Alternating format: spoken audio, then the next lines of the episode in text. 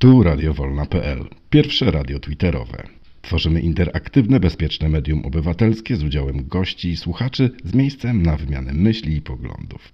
Słuchamy innych i rozmawiamy. Zapraszamy na żywo do naszych cyklicznych, autorskich audycji w pasmach tematycznych i edukacyjnych. Znajdziecie nas w przestrzeni Twittera na profilu radiowolna.pl. Nasze podcasty publikujemy na kanale YouTube, Facebooku, a także innych platformach podcastowych. Dołącz do nas, wspieraj i udostępniaj. Zapraszamy do odsłuchania audycji. Witamy w radiowolna.pl, pierwszym radiu na Twitterze. Jest wtorek, 14 lutego 2023 roku. Witamy wszystkie przybyłe osoby. Minęła godzina 21, więc zaczynamy kolejne, kolejne spotkanie z cyklu My Polacy. Tematem dzisiejszej rozmowy będzie pytanie e, do naszego zacnego gościa, ale również i o nim samym. Za co kochać trzecią RP? E, nasze zaproszenie był uprzejmy przyjąć pan Waldemar Kuczyński. Dobry wieczór panu, witamy serdecznie. Dobry wieczór pani, dobry wieczór wszystkim zgromadzonym oraz wszystkim słuchaczom. E, dziękujemy za przyjęcie zaproszenia. Dzisiejsze spotkanie nasz, z naszym gościem poprowadzą e, Tadeusz Krupa. Dobry wieczór Tadeuszu. Dobry wieczór Anno, dobry wieczór Państwu. Czy mnie słychać? Tak, słychać doskonale. E, prowadzącym również będzie Arkadiusz Olszowy. Dobry wieczór Arkadiuszu. Dobry wieczór Panie Waldemarze, dobry wieczór Aniu, dobry wieczór Państwu. Nasz dzisiejszy gość, pan Waldemar Kuczyński, ekonomista, publicysta, polityk, jeden z najlepszych polskich pisarzy politycznych. Pisze ostro i polemicznie, zawsze wspierając swoje opinie faktami oraz konkretami. W latach 60. działacz niepokornego klubu Modzelewskiego i Kuronia na Uniwersytecie Warszawskim. Od 63 roku pod obserwacją służb, służb bezpieczeństwa jako figurant Rosomak. Ekspert w Komisji Krajowej NSZZ Solidarność i zastępca redaktora naczelnego tygodnika Solidarność. Uczestniczył w wydarzeniach sierpnia 80 w Komitecie Strajkowym w Gdańsku jako doradca Lecha Wałęsy. Internowany 13 grudnia 81 roku, w latach 82-89 na emigracji, publikując do londyńskiego aneksu, parskiej kultury, kontaktu i nowojorskiego Nowego Dziennika. Komentator Radio Wolna Europa i BBC. W 1989 roku szef zespołu doradców premiera Tadeusza Mozawieckiego, a potem minister przekształceń własnościowych. Jest zdania, że tra transformacja lat 90. to największy sukces gospodarczy Polski od kilku wieków. E, zanim stery przejmą nasi dziennikarze, ja tylko tytułem e, dodatkowej, tutaj, dodatkowego wstępu z mojej strony będę wdzięczna za udostępnienie przez naszych słuchaczy tego spotkania przez RT. A tymczasem, panowie, oddaję stery w wasze ręce. Dziękuję. Dziękujemy. Tadeusz Krupa, kłaniam się. Panie Waldemarze, ja mam taką prośbę, żebyśmy zaczęli od początku. Powiem, w Polsce jest kilkadziesiąt milionów ludzi, ale tylko niektórzy mają taki życiorys jak pan. W związku z tym zawsze mnie to interesowało, jak to się stało? Czy pan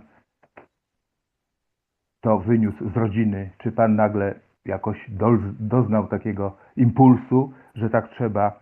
Czy to jakiś przypadek?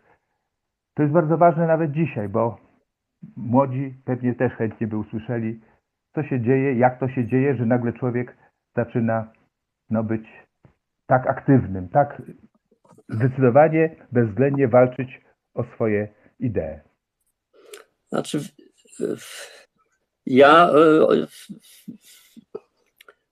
powiedziałbym tak, że ja na pewno nie wyniosłem jakichś predyspozycji w tym kierunku z domu, ponieważ ja pochodzę, jeśli tak można powiedzieć, z bardzo takich niskich warstw społecznych. Moja mama była po prostu robotnicą. Mój ojczym był również robotnikiem, dziewiarzem. Przed wojną moja mama po prostu miała szansę awansować do tak zwanej klasy średniej, ponieważ jej pierwszym mężem był przedsiębiorczy człowiek, pierwszym mężem i moim ojcem był przedsiębiorczy człowiek, który rozkręcał interesy, ale przyszła wojna i on zginął w Oświęcimiu jako więzień polityczny, więc z domu nie wyniosłem e, żadnej tego typu tradycji. Nie wiem, wie pan, być może to ma e, jakiś związek e, po prostu z charakterem. Ja miałem skłonności, miałem po pierwsze od do, dosyć wcześnie takie pragnienie, żeby pisać, żeby pisać. I, i również taką jak gdyby skłonność do E, e, działalności publicznej. I e, to spowodowało, że mając lat 19, nie będę tutaj wchodził w szczegóły, bo to wymagałoby dużych opowieści, ja się zakochałem w marksizmie i w, w komunizmie i pod wpływem tego zakochania, zafascynowania, jak miałem właśnie 19 lat, wstąpiłem do ZMS-u, potem do partii, stałem się e, w takim nawet dość aktywnym, ale e, to mi przeszło, dosyć szybko mi to przeszło, kiedy dostałem się na Uniwersytet Warszawski, to szybko dostrzegłem po prostu, że pomiędzy e, tą prometejską ideą, a tą rzeczywistością jest przepaść i e, coraz bardziej perelowska rzeczywistość zaczęła mi, mi przeszkadzać. Przy czym chcę powiedzieć wyraźnie, że przeszkadzało mi nie to, że ja miałem na przykład jakieś wyobrażenie o tym, jak powinna Polska wyglądać inaczej. E, mnie po prostu odrzucał po pierwsze fałsz, po pierwsze fałsz, po drugie przymus, po trzecie cenzura, wie pan, i, i powiedziałbym taki smród PRL-u, a szczególnie smród partii, to mi co, czyli właściwie, wie pan, związałem się z opozycją w 1963 roku, kiedy powstał klub polityczny na Uniwersytecie Warszawskim ZMS-u, związałem się z tym środowiskiem ze względów estetycznych. Można powiedzieć, że uszy, oczy i nos e, popchnęły mnie do opozycji, bo po prostu nie mogłem znieść e, tego wszystkiego, czym e, PRL emanował. Natomiast ja nie miałem żadnych wyobrażeń, jak w odróżnieniu na przykład od Karola Modzelewskiego, który był moim idolem Niewielu miałem, wie pan, w życiu idoli. Właściwie można powiedzieć, że dwie osoby, to znaczy Karola Modzelewskiego jako człowiek bardzo młody i potem Tadeusza Mazowieckiego, jeśli w ogóle można nazwać, mogę nazwać, no ale powiedzmy, jako człowiek dojrzały. Więc w odróżnieniu od Karola, który chciał po prostu Polski nie tylko wolnej, ale także ubranej w, w, w strój socjalistyczny, mnie właściwie chodziło wyłącznie o wolność. O to, żeby być człowiekiem wolnym. O wolność. I, i przy, przystąpiłem do tego środowiska opozycyjnego, bo to były takie enklawy wolności. Enklawy wolności. Tam można było być wolnym, aczkolwiek trzeba było y, y, sobie zdawać sprawę, że wtedy będzie się tropionym i że będzie się za to, że tak powiem, płaciło. No i ja zapłaciłem, e, ponieważ e, moim marzeniem było, żeby stać się uczonym, ekonomistą, naukowcem, teoretykiem, e, teoretykiem i, i, i to mi uniemożliwiono, a z kolei związek ze środowiskiem opozycyjnym popchnął mnie w innym kierunku, w kierunku takiej walczącej publicystyki. Więc wie pan, tak bym, e, tak bym opisał e, ten, e, ten mój początek. Ten mój początek. Ze względów estetycznych chodziło mi przede wszystkim o wolność. O wolność, wie pan, i byłem pewien, byłem pewien, że ja złożę swoje kości w PRL-u e, i że tej wolności po prostu dla całego kraju nigdy nie doczekamy. To się mieściło w ogóle poza horyzontem marzeń. Poza horyzontem marzeń. Y, I nagle, nagle pod koniec lat 80. zaczęło się to coraz bardziej stawać realne. I wie pan, dla mnie rok 89 to jest y, rok jedynego cudu, jaki ja w życiu widziałem, rzeczywistego cudu, jaki w życiu widziałem, a mianowicie to, że spadła nam z nieba wolność. Wracając do początku, y, panie Waldemarze, y, ja to tak prosto powiem, że pierwszym impulsem było to, że panu zbrzydł PRL. Po prostu estetycznie, jak pan mówi, i w ogóle duszący, Tak. brzydki, szary i tak dalej. Ale chyba miał pan to szczęście, że trafił pan na ludzi, którzy widzieli te sprawy inaczej, nowocześnie i, no i właśnie w kontekście jakiejś tam odległej lub nie wolności. I, I to jest chyba też bardzo ważne. Kogo się trafi na swojej drodze, prawda? No, y, oczywiście, wie, ja miałem, wie pan, taki moment takiej iluminacji, ale chcę powiedzieć, że mi nie przeszkadzała, wie pan, y, y, siermierzność PRL-u. Nie chodziło mi o to, że nie podobała mi się Polska jako kraj, jako ojczyzna. Dla mnie odrzucał po prostu system, kształt państwa był dla mnie po prostu nie do zaakceptowania. I mm, o to chodziło, nie o to, że y, żyło się tam y, nam dosyć marnie. Natomiast y, y, wracając do Pana pytania, tak, ja miałem, wie Pan, taki moment iluminacji. To był rok 63 e, i, i y, były wakacje. Ja już miałem bardzo poważne wątpliwości, czy ja dobrze zrobiłem, wstępując do tej partii.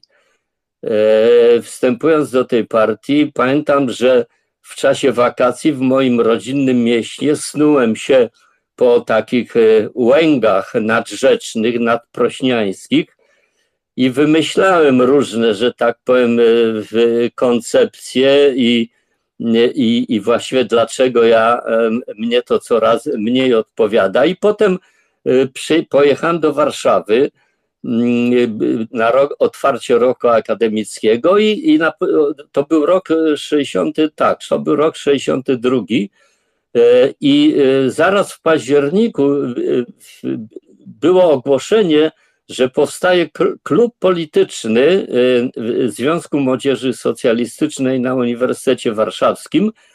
Jak pamiętam, założycielami tego klubu byli Jacek Kuroń, Karol Modzelewski, których nie znałem, i chyba także Aleksander Smolar, mój kolega, mój kolega z roku. I poszedłem na pierwsze spotkanie. e, Nie pamiętam z kim e, ono było, to spotkanie, kto był prelegentem, ale pamiętam e, wystąpienie Karola Modzelewskiego, a potem Jacka Kuronia. I to był dla mnie kompletny szok, ponieważ oni e, w sposób e, bardzo klarowny, bardzo zwięzły, bardzo precyzyjny i pełny e, i trafiający całkowicie w te moje takie dopiero wylęgające się przemyślenia, zdefiniowali, na czym polega zło PRL-u. Na czym polega zło PRL-u e, zdefiniowali po prostu ten system jako system dyktatury, nie mający praktycznie nic wspólnego z tymi ideałami e, wyprowadzanymi z marksizmu. E, I e, to e, byłem prawie że w gorączce słuchając tego, tym bardziej, że Modzelewski był wspaniałym mówcą wspaniałym. In, Jacek zresztą też, tylko oni to byli mówcy, mówcy zupełnie jakby o innym stylu. Karol Modzelewski była to bardzo klarownie wyłożona, logicznie następujące po sobie kwestie, a wystąpienie Jacka było takie bardziej żywiołowe, więc to, to był dla mnie szok. Ja natychmiast przystałem do e, aktywu tego e, klubu politycznego i zacząłem tam działać. Zacząłem tam działać, e, czyli można powiedzieć, że znalazłem się w środowisku komandosów, bo potem jak przyszła taka młodsza generacja, czyli pokolenie Adama Michnika, Janka Lityńskiego, Sewka Blumsteina, którzy już wcześniej byli znani jeszcze z takiej niepokornej działalności w liceach, to Bezpieka nazwała całe to towarzystwo komandosami, dlatego że myśmy się pojawiali na różnych e, e, spotkaniach, jakie były, i e, tam żeśmy po prostu zabierali głos tak bardzo krytycznie, bardzo mocno przeciwko władzy. Więc znalazłem się jak w kręgu komandosów. O, i to trwało przez parę lat, aż wreszcie w 1966 roku, kiedy e, byłem już po magisterium i, i, i byłem asystentem u profesora Włodzimierza Brusa, e, kiedy były wypadki Wtedy wędrowała po, była, e, było tysiąclecie państw, chrześcijaństwa, jednocześnie państwa polskiego i Kościół organizował e, wędrówkę obrazu jasnogórskiego po Polsce. Po Polsce, a e, władzy i za, gdziekolwiek się ten obraz pojawił, to oczywiście były tłumy ludzi, Władzy się to nie podobało, więc ten obraz to była kopia, więc ten obraz e, e, policja, milicja zabierała i przywoziła e, pod katedrę tutaj w Warszawie i zostawiała pod katedrą. No i, i, i, i na jednym z zebrań partyjnych ja, a także mój kolega byliśmy skolegowani bardzo mocno. Antek Zambrowski, nieżyjący już, e, syn, e, syn e, Romana Zambrowskiego, jednego z czołówki epoki stalinowskiej, wystąpiliśmy na zebraniu partyjnym z bardzo ostrą krytyką właśnie tego polowania na Matkę Boską. No i, i, i wskutek tego kilka dni później i Antka i mnie e, e, Warszawska Komisja Kontroli Partyjnej wyrzuciła z partii. E, a ja byłem zadowolony, bo ja wiedziałem, że to oczywiście odbije się na mnie. Prawdopodobnie mam z głowy pracę i, i, i marzenia o tym, żeby zostać naukowcem, i faktycznie po prostu nie przedłużono ze mną umowy. Musiałem pójść do pracy w zakładach mechanicznych Ursus. No ale byłem związany z tym środowiskiem i aczkolwiek już miałem rodzinę i, i rodzina mi zajmowała przecież też sporo czasu, bo y, myśmy tutaj się zakorzeniali z żoną i z dzieckiem właściwie całkowicie od zera, to miałem kontakty ze środowiskiem i w 1968 roku, jak wyszły wypadki marcowe, to trafiłem do więzienia. Dzisiaj to jest Muzeum chyba Żołnierzy Wyklętych na, na Rakowieckiej. Czyli to był ten pierwszy moment, kiedy zdał Pan sobie już tak sprawę praktycznie powiem, z tego, że e, no, to kosztuje, że, że trzeba będzie no. Się zmagać z tym systemem, który był wtedy no, wszechmocny, prawda? Wszechmocny był, niestety. E, e, nie usłyszałem. Rozumiem, że to pierwsze aresztowanie, chociaż może wcześniej tak, nawet pozbawienie tak. pracy, to już był ten sygnał, że no niestety trzeba będzie płacić za tę działalność, za no. No to nie, no to wie pan, to było już jak gdyby oczywiste, że przecież bezkarnie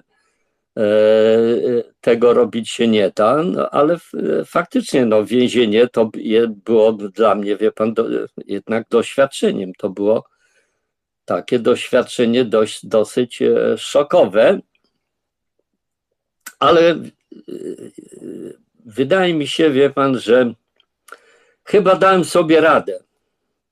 Chyba dałem sobie radę i po pół roku, bo pół roku mnie trzymali pół roku mnie trzymali, wychodziłem z takim przekonaniem, e, że właściwie wychodzę z tarczą, a nie na tarczy. E, I, i, i, I pod pewnymi względami e, to więzienie mnie, wie pan, powiedziałbym tak, umocniło we mnie te wszystkie, te wszystkie ścięgna oporu. O, wyrobili we mnie, wie pan. Wyrobili mnie opozycyjnie bardziej jeszcze. Arku, proszę. E, Tak, ja mam y, pytanie, czy to był okres, kiedy był pan rosomakiem? E, o tym wie pan, o tym, e, że e, e, ja się o tym wszystkim dowiedziałem e, 50 lat później.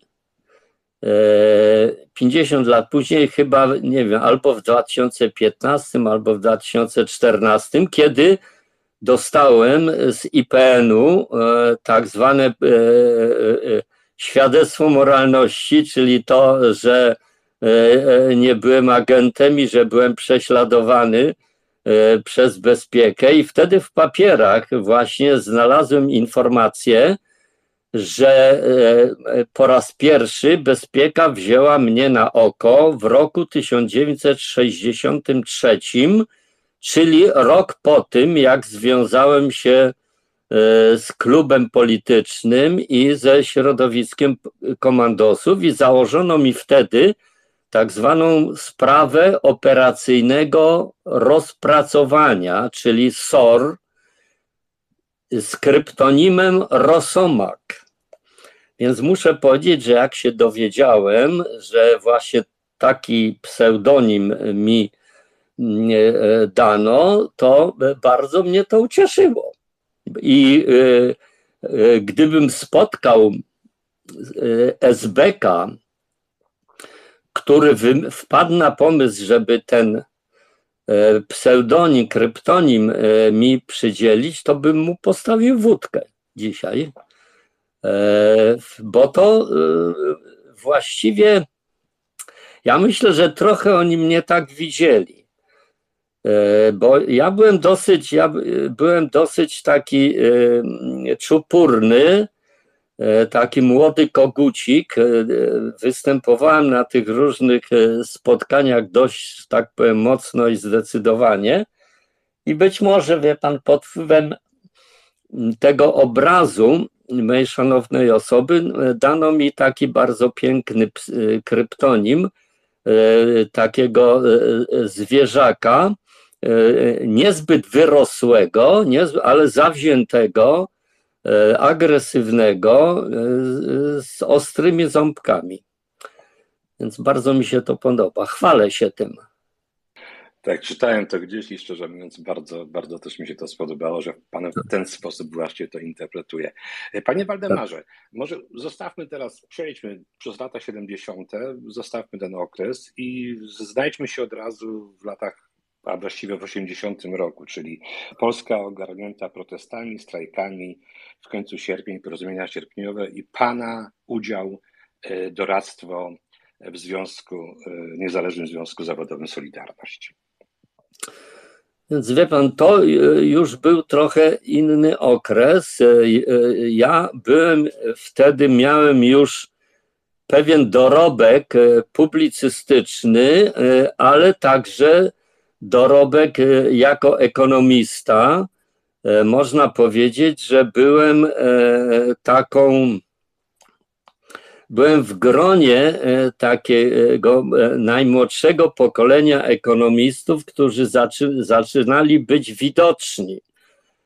Miałem e, sp- sporo publikacji, ale najważniejsze, najważniejsze było to, że w 70 bodajże e, ósmym roku Polskie Towarzystwo Socjologiczne organizowało na Uniwersytecie Warszawskim e, e, takie sympozjum e, kilkutematyczne, ale skupione łącznie na tym, co się dzieje w kraju, ponieważ wszyscy wtedy czuli, że po tych latach takiej gierkowskiej laby, tych licznych prezentów ekonomicznych dla ludu, i, i, i rzeczywiście nieprawdopodobnego odczucia poprawy życia w pierwszej połowie lat 70. To jest e, powód, dla którego do dziś e, Gierek jest tak e, dobrze wspominany. I ja jestem pewien, że bez względu na to, co stanie się z rządami PiSu, to ta pamięć o tych kilku latach e, tych różnych prezentów wyborczych, ona w części narodu pozostanie na bardzo długo. Ale więc e, na socjologii robiono takie duże sympozjum, to było głośne sympozjum i Jadwiga Staniszkis prawie siłą zmusiła mnie, żebym ja na tym sympozjum przedstawił, e, co się dzieje z polską gospodarką. E, ja byłem w, w cholernym strachu, e, dlatego że siedziałem w Ursusie jako referent i, i to nagle miałem wystąpić między profesorami, więc po prostu miałem solidnego Pietra, ale przełamałem go E, obłożyłem się rocznikami statystycznymi i zrobiłem takie całkiem elementarne szeregi czasowe, z których wynikało ewidentnie, że gospodarka po prostu się zapada i za chwilę po prostu rozpocznie się pierwszy e, w krajach komunistycznych gospodarcze takie załamanie. No i przedstawiłem ten referat, który zrobił, właściwie chyba był takim e, czołowym hitem tej konferencji, a potem zrobiłem, e, potem w ciągu lata, w ciągu lata 78 e, lub 9 roku, już nie pamiętam, e, usiadłem i z tego referatu, bo ja go wygłosiłem z pamięci. I ten referat spisałem, i jak go spisałem, to zamienił się w książkę, którą w,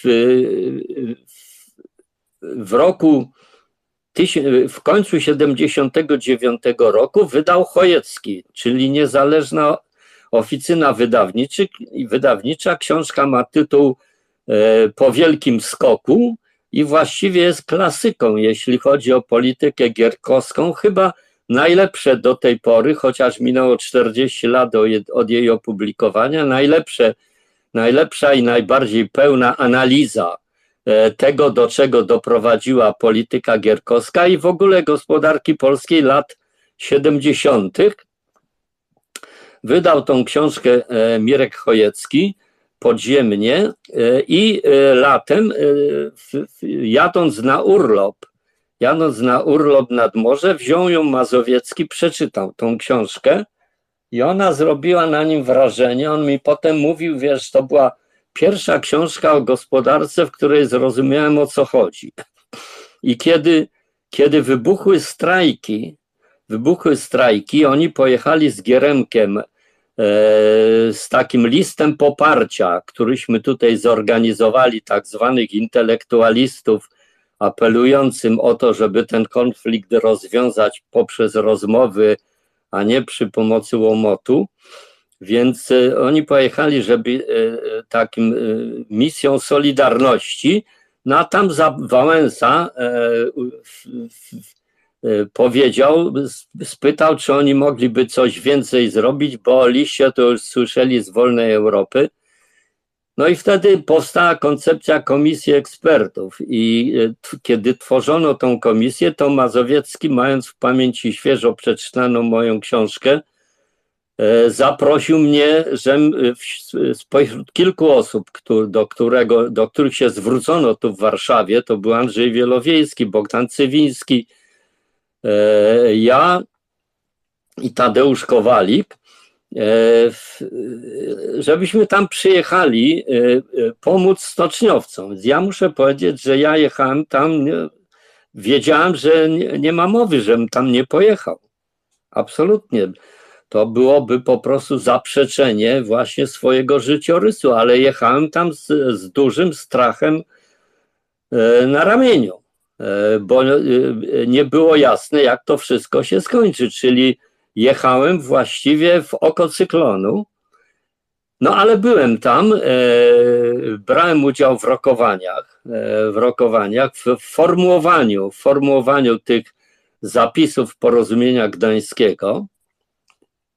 Mam tutaj sporą rolę, spory udział, jeśli chodzi o zapisy y, gospodarcze. No i potem to oczywiście dało punkt wyjścia do całej mojej kariery w okresie Solidarności, czyli najpierw członka w, w, w, w tej komisji ekspertów, potem doradcy Komisji Krajowej, jednego z doradców Komisji Krajowej i wreszcie kariery w tygodniku Solidarność, gdzie najpierw byłem e, szefem zespołu ekonomicznego, a potem, kiedy, e, kiedy mm, Bogdan Cywiński zrezygnował, e, zostałem na jego miejscu i właściwie przez cały czas Solidarności, oprócz tej roli zastępcy naczelnego, właściwie byłem jednym z takich e, głównych frontmenów, publicystycznych frontmenów, e, w jakimś sensie takim edytor, edytorialistą tygodnika Solidarność, no między innymi ze względu na to, że Stocznia Gdańska e, i, i ta praca bardzo zbliżyła mnie i Tadeusza Mazowieckiego. Okazało się po prostu, że my mamy jakoś podobnie ukształtowane sieci neuronowe, które drgają, drgają, powiedziałbym tak, e, z, z sobą zgodnie. Zgodnie, że się świetnie tutaj komponujemy w tej właśnie roli, że on jest szefem, a ja jestem jego załóżnikiem. No i, i, i, i, i tak to było. I potem żeśmy e, wylądowali razem E, w, w obozie w, w Złotej Klatce, czyli w obozie internowania w Jaworze. No ale tego, panu tego, szansę tego, na zadanie pytania. Właśnie, panie Waldemarze, przejdziemy. Tak a propos tygodnika Solidarność, to pochwalę się tym, że mam w domu e, oprawione, oprawione wszystkie numery tygodnika Solidarność i myślę, że tak wielu tych oprawionych numerów w Polsce wcale nie ma, chociaż być może, być może jestem, jestem w błędzie.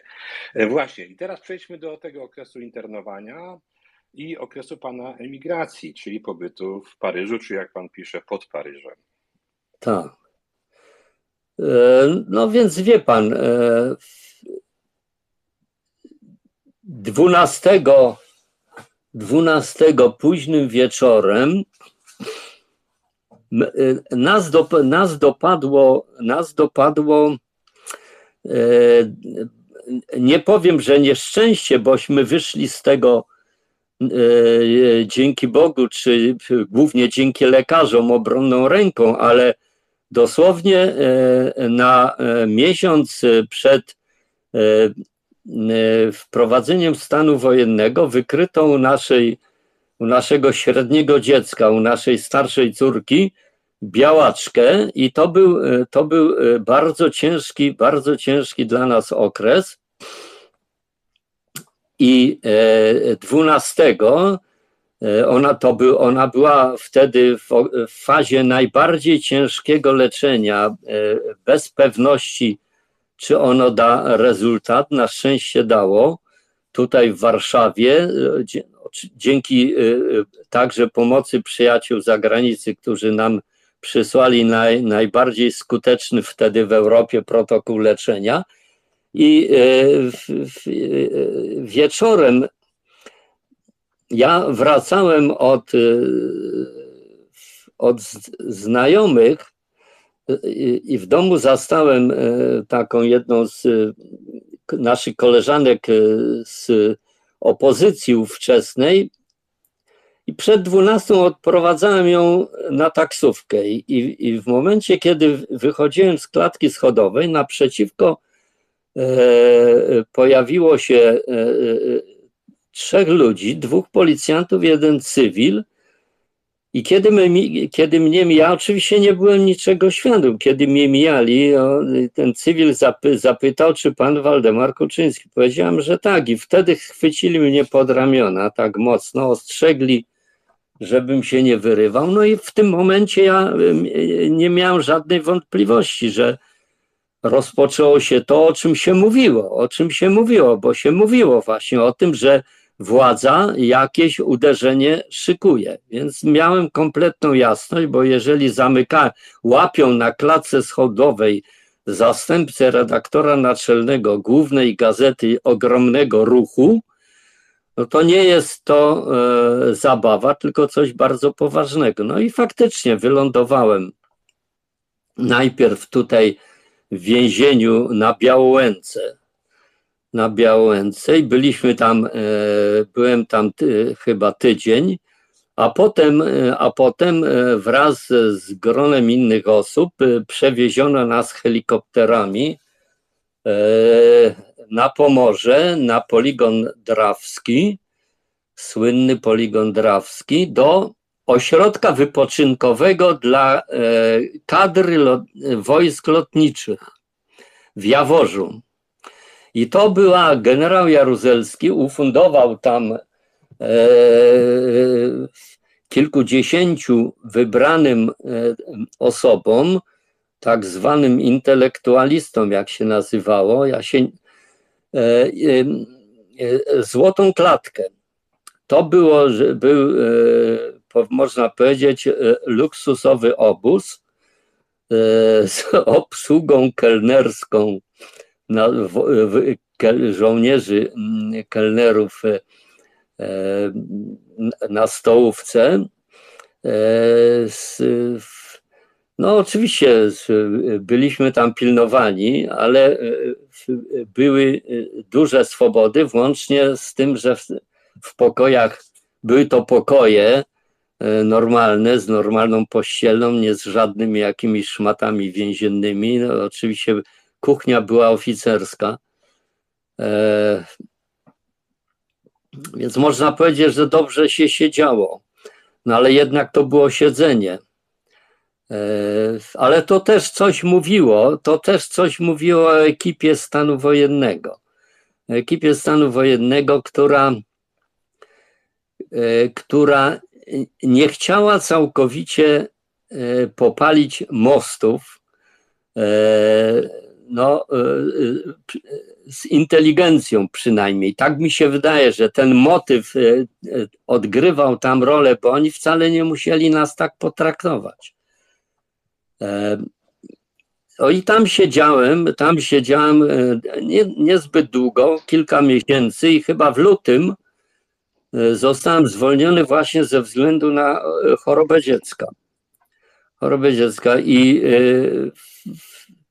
pod naciskiem żony, która nie zamierzałem wyjeżdżać z Polski, ale pod naciskiem żony, która przeżyła bardzo, bardzo ciężko to, że mnie zamknięto, ona z dzieckiem nie wiadomo było, czy przeżyje, i na dodatek ona była działaczką Solidarności Rolników Indywidualnych, szefową jej biuletynu i bezpieka się nią również zainteresowała, więc było jeszcze ryzyko, że dziecko w szpitalu, ja w internacie i ono ją za chwilę też zamkną, więc dostała załamania i powiedziała, jeżeli, jak wyszedłem, jeżeli nie wyjedziesz z Dorotą z Polski, a zaangażujesz się tutaj w podziemie i cię zamkną, to ja zwariuję. No więc podjęliśmy decyzję, że biorę Dorotę i wyjeżdżamy z Polski. Z tym, że wykorzystałem moje znajomości, mówię tu szczerze, bo wiem, że za chwilę będą tutaj na, w sieci różne gadki, szmatki, ale poprosiłem o pomoc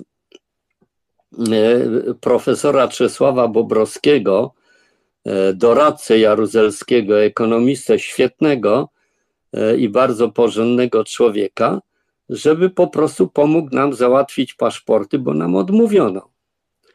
No i tam były zabawne historie, jak mnie z biura paszportowego po osiedlu całym szukali, bo dostali opieprz i dostaliśmy paszporty normalne, nie takie na w jedną stronę i wyjechaliśmy z, z Dorotą, no ale potem już się tak to ułożyło. Leczenie trwało tam jeszcze przez kilka lat, takie stabilizujące, więc trwaliśmy na emigracji. No i w tym jedynym.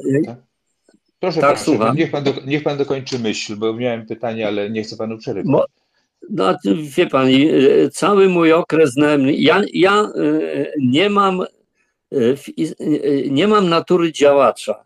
Ja mam e, e, taką naturę pisacza. I, cały mój okres emigracji to jest przede wszystkim pisanie. W, przez te 8 lat byłem bodajże najbardziej płodnym autorem aneksu. Bardzo byłem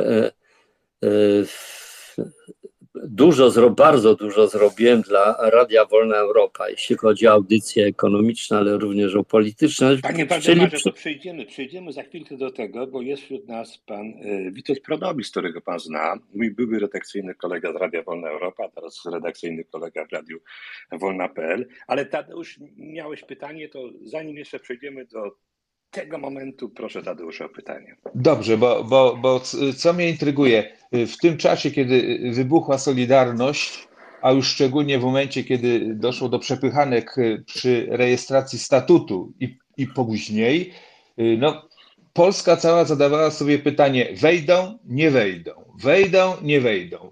To było oczywiste. A jak się to analizowało, czy rozumiało, czy, czy zastanawiano nad tym właśnie w środowisku no, tych głównych działaczy. Też myśleliście panowie o tym? Wejdą, nie wejdą?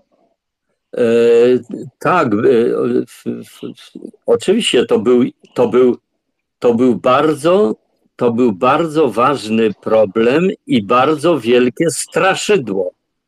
Bardzo wielkie straszydło.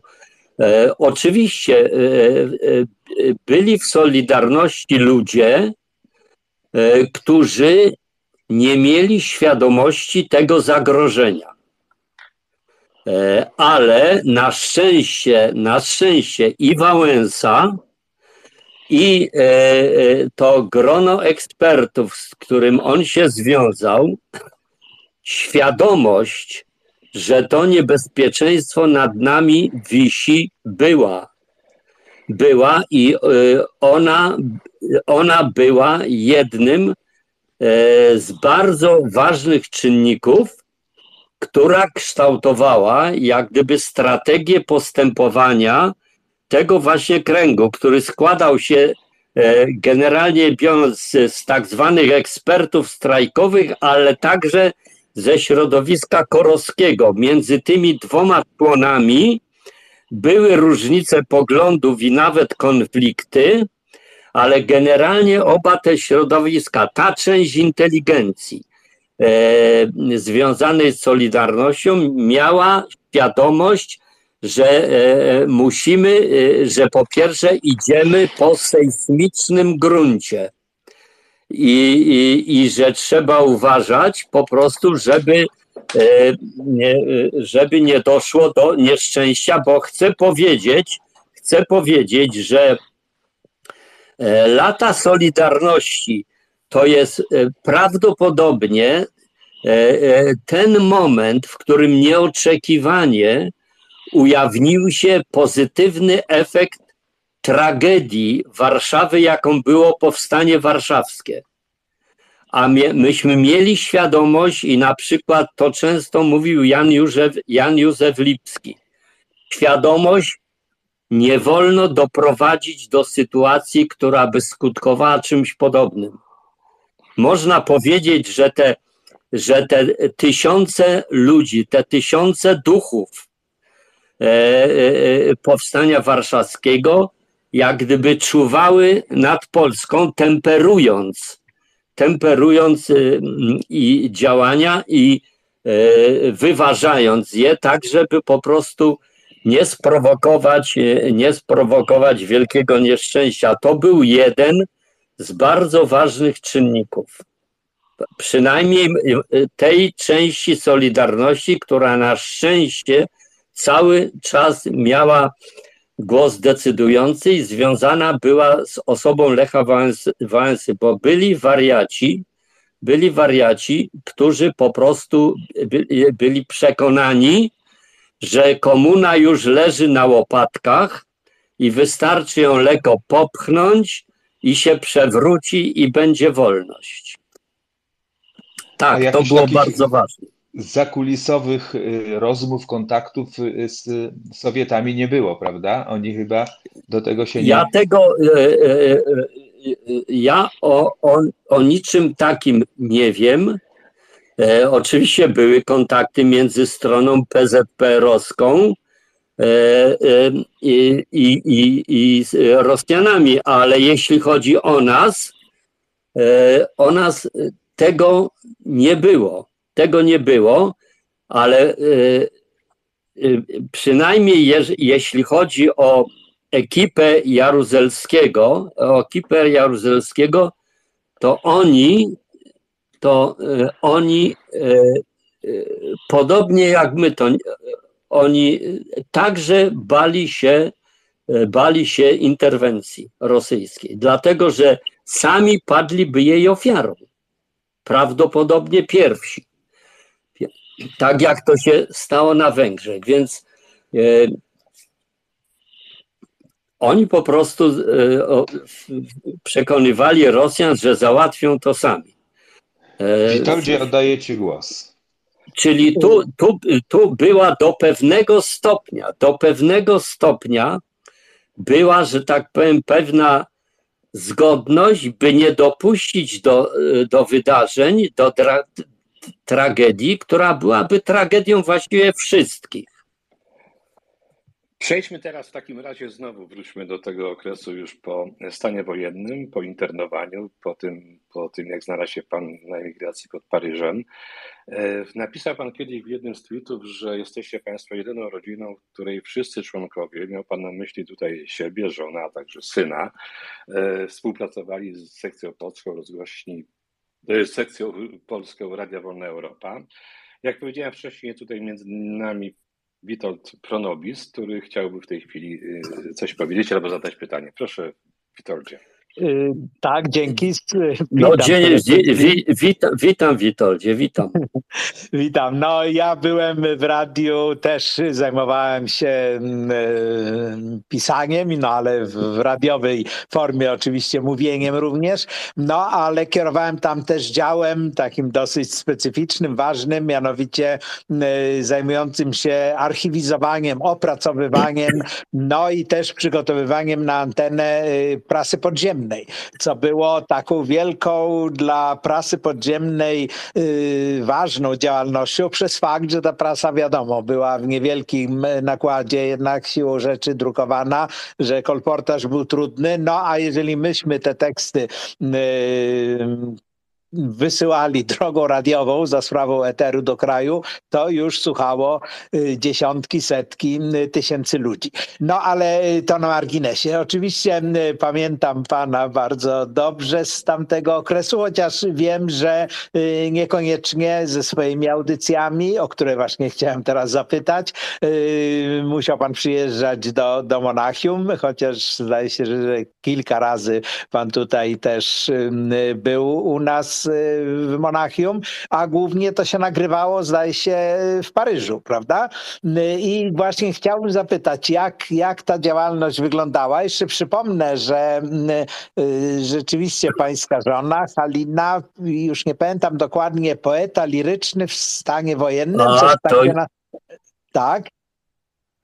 To zaraz, e, zaraz o tym powiem, ale niech pan dokończy kwestię. No, no, no, właśnie, więc y, chciałem zapytać, w jaki sposób pan się, że tak powiem, załapał na, na Radio Wolna Europa? Czy to była propozycja Najdera, czy, czy pan sam się zgłosił? No bo oczywiście wtedy tego nie wiedzieliśmy, chociaż, chociaż ja zawsze tych pańskich audycji też nawet jako pracownik radia z wielkim zainteresowaniem y, słuchałem. No i wiem też, że jeżeli już przy okazji można, że współpracował pan też y, z kulturą, y, z Giedroyciem, tak, prawda? I tak, też niektóre tak, teksty tak. Y, tam się ukazywały.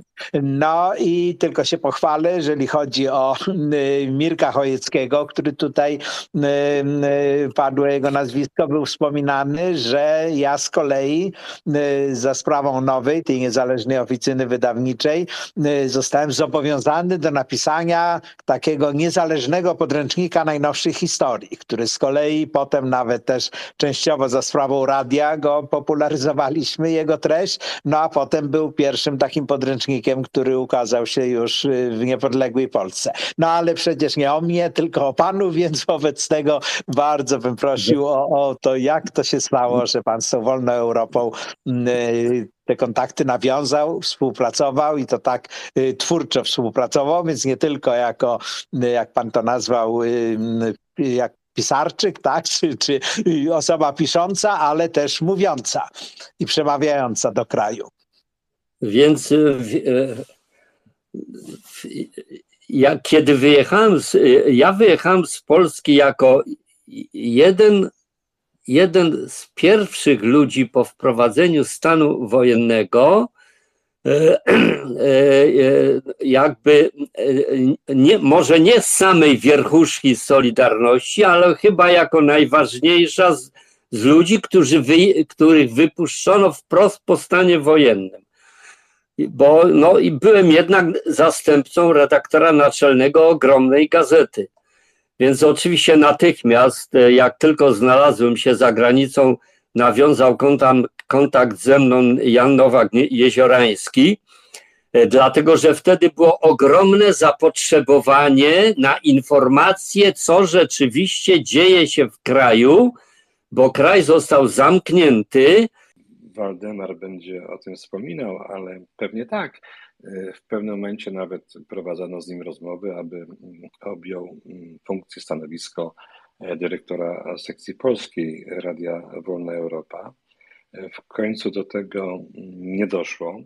Zaproponowano mu też inną funkcję, ale ponieważ e, bał się wtedy, że jeżeli przyjmie tę funkcję, jego córka z żoną nie zostaną wypuszczeni z Polski, to także, to także odmówił. E, może tutaj do e, Witolda się zwrócę.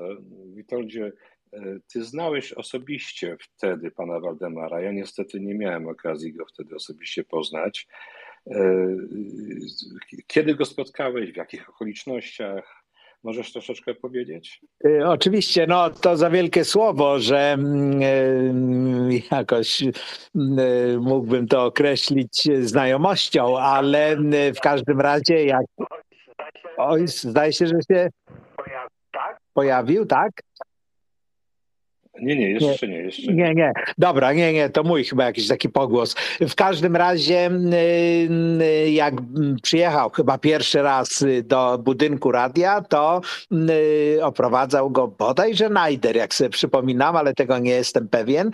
Natomiast między innymi trafił do podziemia, to znaczy do piwnic, gdzie były moje biura i, i, i ten, te magazyny zbierane przeze mnie, zawierające zbieraną przeze mnie prasę podziemną, tytuły, książki i tak dalej. No i wiem, że zrobiło to na nim wrażenie, bo to był wówczas rzeczywiście chyba największy na świecie, w każdym razie na pewno poza Polską. Na, w Polsce to wszystko było raczej, że tak powiem, poza zasięgiem, jeżeli chodzi o no właśnie prawie kompletny zbiór wszystkiego, co się w Polsce wydawało, czyli ukazywało do, do, dochodziło do większej lub mniejszej liczby y, czytelników. No a Wiem, że te audycje pana Kuczyńskiego były y, chyba nagrywane w Paryżu i puszczane stamtąd, y, z naszego biura paryskiego. Tym niemniej kilka takich audycji i rozmów z panem Waldemarem Kuczyńskim były także y, u nas i chyba prowadził to Sadowski y, redaktor, o ile sobie przypominam, ale to pewnie jak za moment uda się taką, mam nadzieję, y, znowu odzyskać to połączenie, to dowiemy się o tym no, dokładnie, jak to wszystko wyglądało. Natomiast... Już, mamy, już mamy Witoldzie połączenie A, z panem Waldemarem. Ja Dobra. tylko woli informacji dla pana Waldemara, że w międzyczasie, jak utracił pan połączenie z naszą audycją, e, mówiliśmy o pierwszym pana jakby spotkaniu Witolda w Radiu Wolna Europa i o tym, że był pan brany także pod uwagę. Czy mnie, czy mnie słyszycie? Czy mnie słyszycie? Tak, tak, tak, tak. Słuchaj teraz, że był pan brany także pod uwagę jako kandydat na dyrektora sekcji polskiej Radia Tak, więc wracając, wracając, bo tutaj ktoś nie, nieoczekiwanie do mnie zadzwonił i, i więc tak, tak. To było, było akurat wtedy dyrektorem został Zdzisław Najder, z którym się znaliśmy i on kompletował, on kompletował jak gdyby swój, swoją ekipę i rzeczywiście zaproponował mi, czy nie przyjąłbym roli jego zastępcy i ponieważ ja się wahałem, więc odbyła się taka rozmowa w Maison Lafidu Giedroycia między Najderem, Giedroyciem i mną, w których oni tam przez chyba dwie godziny mnie młotkowali, żebym ja tą rolę przyjął, ale ja nie byłem gotów jej wtedy przyjąć, dlatego że to oznaczałoby całkowite zerwanie kontaktu z krajem w sytuacji, w której moja rodzina, większość mojej rodziny była, że tak powiem, w Polsce. Więc oczywiście nic z tego nie wyszło, ale od samego początku Najder publikował fragmenty, publikował w zasadzie to, co ja, co ja pisałem i w aneksie, i to, co ukazywało się w kulturze, on publikował, a potem, potem kilka lat później, Kilka lat później podjęliśmy już taką bezpośrednią pracę, kiedy było, kiedy było, kiedy cała rodzina była we Francji i było oczywiste, że możemy zostać tam na długo, więc zaczęliśmy, że tak powiem, wtedy pisać. Mój syn, mój syn, który jest świetnym pisarzem historycznym od spraw wojskowości, wojen, konfliktów. Napisał bardzo wiele audycji poświęconych właśnie różnego rodzaju konfliktom, armiom i tak dalej. Moja żona pracowała dla, sek dla sekcji rolnej, ponieważ ona była wiele lat dziennikarką rolną, ale w 1985 roku, kiedy wyszła z takiej, z takiej ciężkiej depresji po stanie wojennym i chorobie Doroty, napisała serię humoresek, którym pod wspólnym tytułem Poeta liryczny w stanie wojennym to jest książeczka wydana dzisiaj i jedyne, można powiedzieć tak, że to jest jedyna książka o stanie wojennym na wesoło, a jednocześnie bardzo bogata po prostu w codzienne szczegóły ówczesnego życia, szczególnie tych kręgów opozycyjnych. Najder się zaśmiewał nad tym i to oczywiście szło w odcinkach w Wolnej Europie Haliny. Natomiast ja pisałem przez długi czas regularnie, co tydzień, audycję ekonomiczną, a oprócz tego bieżące komentarze do faktów, wydarzeń, opinii i kiedy w kraju były jakieś ważne wydarzenia, wtedy mnie zapraszano do Monachium i przyjeżdżałem tam i by, by, zwykle wtedy siedziałem tam tydzień, czasem dwa tygodnie. Także i chcę powiedzieć również, że bardzo ważne znaczenie dla mnie miał właśnie ten dział, którym kierował pan, kierowałeś ty, Witoldzie, a mianowicie właśnie dział prasy podziemnej, bo ten strumień prasy podziemnej oczywiście był dla mnie skarbem. Był dla mnie skarbem, pozwalał mi, pozwalał mi nie tylko przygotowywać audycje dla radia, ale także pisać comiesięczną, comiesięczną kronikę wydarzeń w Polsce dla takiego ważnego rosyjskiego kwartalnika emigracyjnego Strana i Mir. Strana i Mir, więc to było dla mnie ważne. Bardzo. Mam okazję, to dziękuję.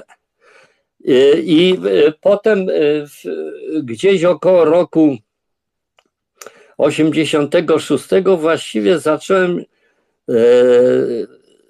Dostałem ponowną propozycję roboty y, wolnej, przejścia tam na normalne zatrudnienie, tym razem od łatyńskiego. Od łatyńskiego i nawet rozpocząłem procedurę. Rozpocząłem procedurę. Ja może uzupełnię, panie Waldemarze, że pan Łatyński był następcą pana tak. Zdzisława Najdera, tak jest. pełnił funkcję także dyrektora sekcji polskiej rozgłośni Radia Wolna Europa. Tak, świetny dziennikarz y, E, wspaniały człowiek e, i, i jako szef, i, e, także wspominam go, wspominam go po prostu jak najlepiej, Mar, pana Marka. Więc on zaproponował mi, żebym przyszedł do radia i ponieważ była perspektywa właściwie była taka, że my tam pozostaniemy, a jeszcze się nie rysowało to, co zaczęło się od przyjścia Gorbaczowa. Także zrobiłem pierwsze kroki i nawet przeszedłem przez, cały ten clearing wywiadowczy dla wolnej Europy i właściwie byłem już zaakceptowany, ale pracy nie podjąłem. Y, nie podjąłem pracy etatowej, dlatego że w międzyczasie zaczęły e, rysować się pierwsze, zaczęło być wyczuwalne pierwsze podmuchy e, ze wschodu po przyjściu Gorbaczowa do władzy. Nie, nie podjąłem pracy właśnie z tego powodu, wyczuwając, że jeśli to pójdzie dalej, to świat może zmienić się e, bardzo mocno. Ja zauważyłem, zauważyłem, że, e, e, że Gorbaczow to jest coś nowego i coś ważnego, bo początkowo on był kompletnie tak lekceważony. Mówiono, że to jest po prostu jakieś tam pozorne zmiany, jakaś tam wojna z alk alkoholizmem i różne inne bzdury ale y, od pewnego momentu to się zaczęło zmieniać i pytał pan, y, gdzie nagrywano audycję. W Paryżu y, a Wolna Europa miała, że tak powiem, taką jakby siedzibę, oddział razem z... Jan Andrzej Stepek zdaje się, panie Waldemarze, prawda? Proszę? Jan Andrzej Stepek był w Paryżu. tak, ale tam oczywiście polskim takim E, liderem tego był Maciej Morawski. E, I nagrywaliśmy to e, w Paryżu. Tam było takie biuro, które było jednocześnie wszystkich sekcji krajowych, krajowych łącznie z radiostacją Swoboda. Ponieważ ja znam rosyjski, to jak czekałem tam w przedpokoju na E, dostęp do mikrofonu, to przeglądałem e, leżące na takim niskim stole gazety, między innymi Prawdę. A ponieważ Prawdę znałem z dawnych lat jako taką sztampę lekko nadętą, nie lekko czy mocno nadętą, nagle zauważyłem, że ta gazeta mówi normalnym językiem. Normalnym językiem i wtedy, e, wtedy napisałem do, tej, do tego rosyjskiego kwartalnika, że coś się u was zaczyna dziać. Oni początkowo nie uwierzyli, ale po wakacjach y, powiedzieli, że robią taką sondę. Ja wtedy napisałem y, y, trzy strony, bo tyle chcieli, nie więcej niż trzy strony, taką sondę pod tytułem Pierwszy wyłom, w którym powiedziałem, że wydaje się, że gigantyczne rosyjskie koło zamachowe ruszyło z miejsca. Jeżeli nic go nie zatrzyma, to świat zmieni się nie do poznania. I stąd się wzięły moje wątpliwości, żeby e, e, podejmować pracę w wojnie, w wolnej Europie, z myślą o tym, że być może powstanie taka sytuacja, że będzie można wrócić do kraju w zupełnie innym, in, tak, w zupełnie innym układzie. I zaraz, I zaraz do tego przejdziemy. Ja tylko może młodszym słuchaczom wyjaśnię, że prawda to był taki organ Komitetu Centralnego y, Komunistycznej Partii Związku Sowieckiego, czy jak to się w Polsce teraz nazywa, radzieckiego. Tak jest. Witoldzie, jeżeli masz jeszcze jakieś pytanie, to bardzo proszę, bo chcielibyśmy pójść dalej, bo czas niestety ucieka, a mamy jeszcze bardzo wiele tematów do omówienia. Bo musimy powiedzieć, za co kochać trzecią RP przecież, bo taki jest tytuł naszego Dokładnie, spotkania. dokładnie. Ja go tak króciutko, to taka refleksja właściwie moja bardziej, jeżeli chodzi o Gorbaczowa. Mi się zdaje, że takim momentem przełomowym, kiedy i u Gorbaczowa się dokonała w głowie jakaś rewolucja, to był Czarnobyl. Prawda? Wtedy właściwie to, to go jakby też zmusiło do, do innego spojrzenia, ale to jest oczywiście bardzo y, na marginesie. No w każdym razie dziękuję też, to, to pan mi podziękował, a to ja dziękuję, że pan y, odwiedzał i że miałem okazję wtedy jakoś bliżej na bliższe poznanie.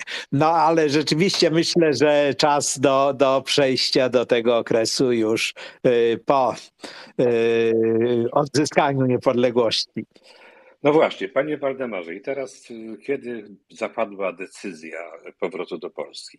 E, Decy- wie pan, decy- decyzja powrotu do Polski e, zapadła e, pod koniec, w drugiej połowie sierpnia. To, to jest, wie pan, to jest złożona sprawa. To jest złożona sprawa. Ja e, widziałem, co się dzieje, wie pan, ale myśmy byli z całą rodziną właściwie we Francji urządzeni. Dzieci chodziły y, do szkół, e, jedna córka do e, liceum, e, starsza córka studiowała i syn również studiował. I właściwie nie było planu powrotu do Polski. Ja przyjechałem do Polski w połowie lipca, dlatego e, e, dostawszy od Francuzów tak zwany list żelazny. Ale Dlatego, który, że ja- To był rok, który to był rok? To był rok 89, lipiec. Lipiec. Ja, e, moja matka e, była bardzo ciężko chora, właściwie umierała i ja e, e, posta- e, wystąpiłem do polskiej, amb- do francuskiej, do Francuzów o mi, ta, bo nie miałem polskiego paszportu, tylko paszport nansenowski. Musiałem wziąć e, e, paszport nansenowski, dlatego że inaczej Francuzi nie przedłużyliby ze mną pracy. Więc miałem paszport nansenowski i jako uchodźca musiałem dostać od Francuzów zgodę na wyjazd do kraju, z którego e, niby byłem uchodźcą. E, I e, dostałem taką zgodę i dostałem również zgodę od polskiej ambasady na przyjazd do Polski i przyjechałem do Polski. E, Była, e, przyjechałem do Polski, jak powiadam, do umierającej mojej mamy, ale by, zjawiłem się w Warszawie i oczywiście zjawiłem się natychmiast w redakcji odtworzonego tygodnika Solidarność i e, wszyscy byli przekonani, że skoro przyjechałem, to jestem właściwie już z powrotem członkiem zespołu i Tadeusz Mazowiecki właściwie też był przekonany, że wracam do Polski i wracam do pracy w tygodniku. Otóż ja nie, nie, nie byłem zdecydowany nagle rodziny wyszarpać e, z tej Francji, e, e, tylko po to, żeby po prostu wrócić e, e, na stanowisko zastępcy. No, w każdym razie odbyła się długa rozmowa między mną a Tadeuszem e, w łazienkach, gdzieśmy chodzili po łazienkach.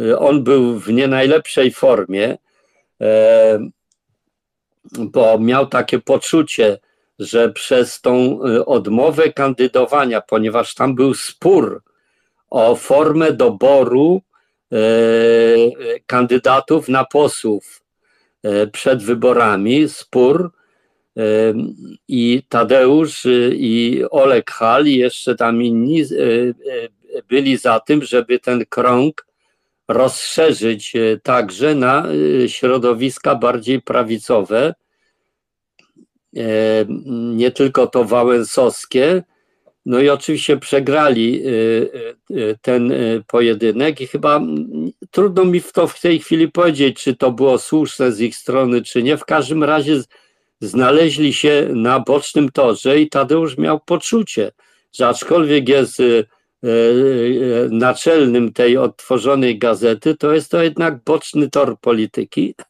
Nie miał pojęcia, że powstanie sytuacja, w której y, on będzie kandydatem na premiera i potrzebował mojej pomocy, a ja niestety nie mogłem mu tej pomocy dać, mimo wszystko nie byłem, nie byłem gotów do, do tego i żeśmy się rozstali.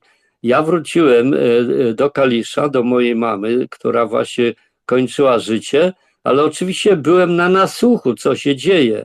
I, i, i w pewnym momencie pojawiła się koncepcja e, rząd, e, koncepcja Jarosława Kaczyńskiego tworzenia e, rządów, koalicji, Komitet Obywatelski, ZSL i Stronnictwo Demokratyczne, czyli koncepcja zupełnie inna od tej, która zawarta była w, w artykule Adama Michnika, wasz prezydent, nasz premier wasz prezydent, nasz premier. E, dzięki e, pojawieniu się tej koncepcji nagle e, pośród osób do roli premiera na pierwszym miejscu znalazł się Mazowiecki, bo gdyby realizowana była koncepcja Adama Michnika, to byłby to rząd z Bronisławem Geremkiem na czele i oczywiście wszystko potoczyłoby się inaczej. Więc y, y, pojawiła się koncepcja e,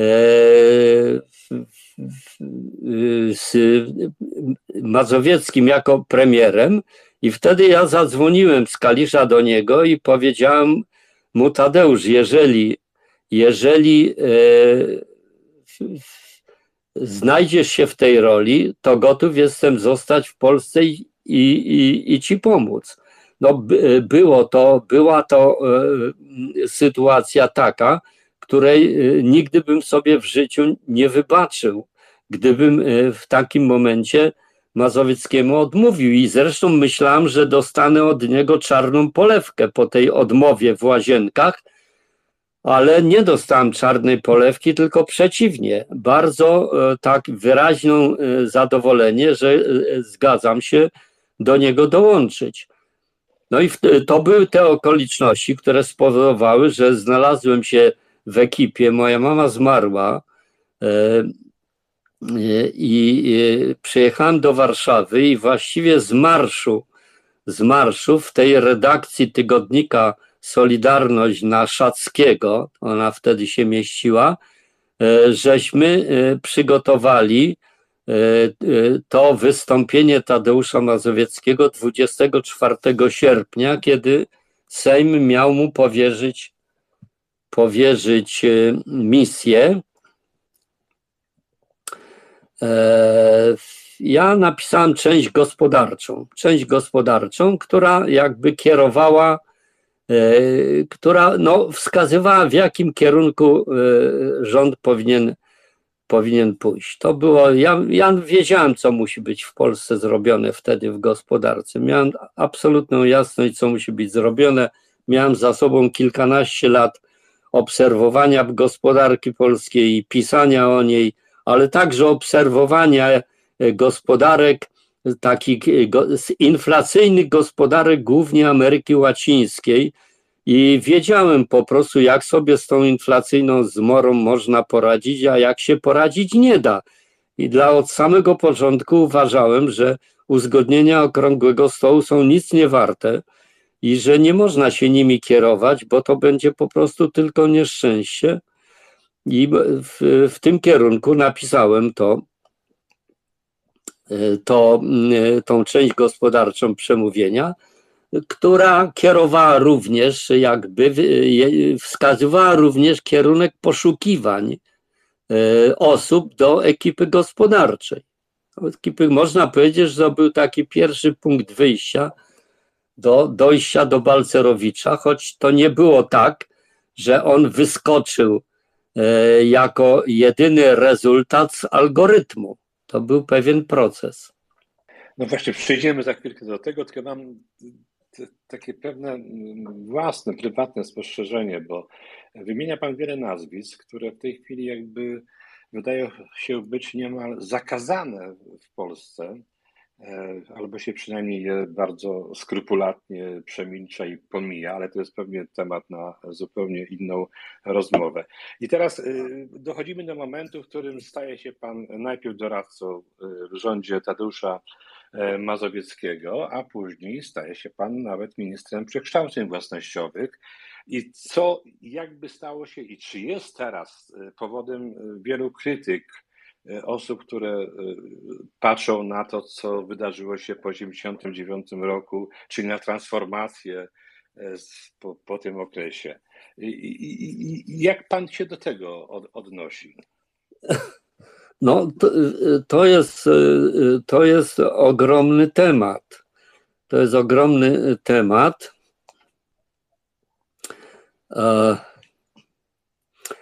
Więc e, nie bardzo wie pan, wiem, jak tutaj e, podejść do tej, do tej kwestii. Znaczy, było, wie pan, e, by, e, e, było dla mnie jasne, jasne dwie, dwie rzeczy. Po pierwsze, że ten proces inflacyjny, który się wtedy w Polsce rozwijał, a to była inflacja, która osiągała 30% wzrostu cen miesięcznie, nie rocznie, tylko miesięcznie. 30%. Raz było trochę mniej, raz trochę więcej, ale mniej, y, to była e, e, właściwie hiperinflacja, początek hiperinflacji i było cała koncepcja okrągłego stołu, stołu była koncepcją tchórzliwą. Ona była tworzona przez dwóch partnerów, którzy niby z sobą rozmawiali, ale ciągle byli wobec siebie nieufni, e, nieufni i jeden sytuował się e, w roli takiego jak gdyby e, recenzenta, strona solidarnościowa, a, a, a, a druga strona miała być tą władzą, która, która działa.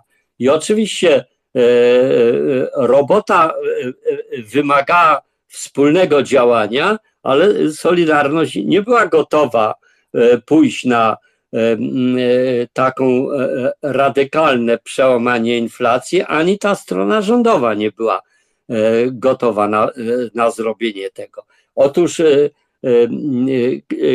koncepcja Jarosława Kaczyńskiego spowodowała, że te dwie strony właściwie znikły, że powstał rząd będący głównie rządem Solidarności z doczepkami, z doczepkami e, e, ZSL-u, SD i również PZPR-u.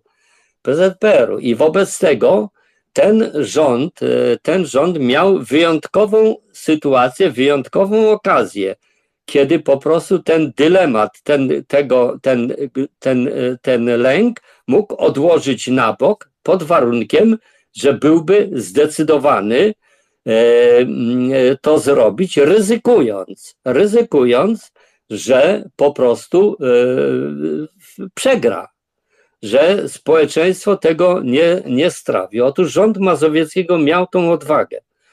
Miał tą odwagę, e, żeby po prostu odejść od koncepcji życia z inflacją przy pomocy jakby totalnej indeksacji wszystkiego, tylko y, inflację zwalczyć, a zwalczenie inflacji wymagało, żeby ludziom i przedsiębiorstwom wyjąć e, jedną trzecią pieniędzy z sejfów i z portfeli, zgromadzić przed Pałacem Kultury, podpalić i nie dopuścić, żeby się za szybko odtwarzała.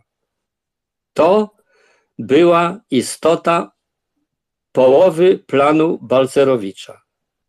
Ale I ja to Mazowieckie. ale jak sam pan mówi, nie było czegoś takiego jak plan Balcerowicza. To tę Nie. etykietkę doklejono dopiero później.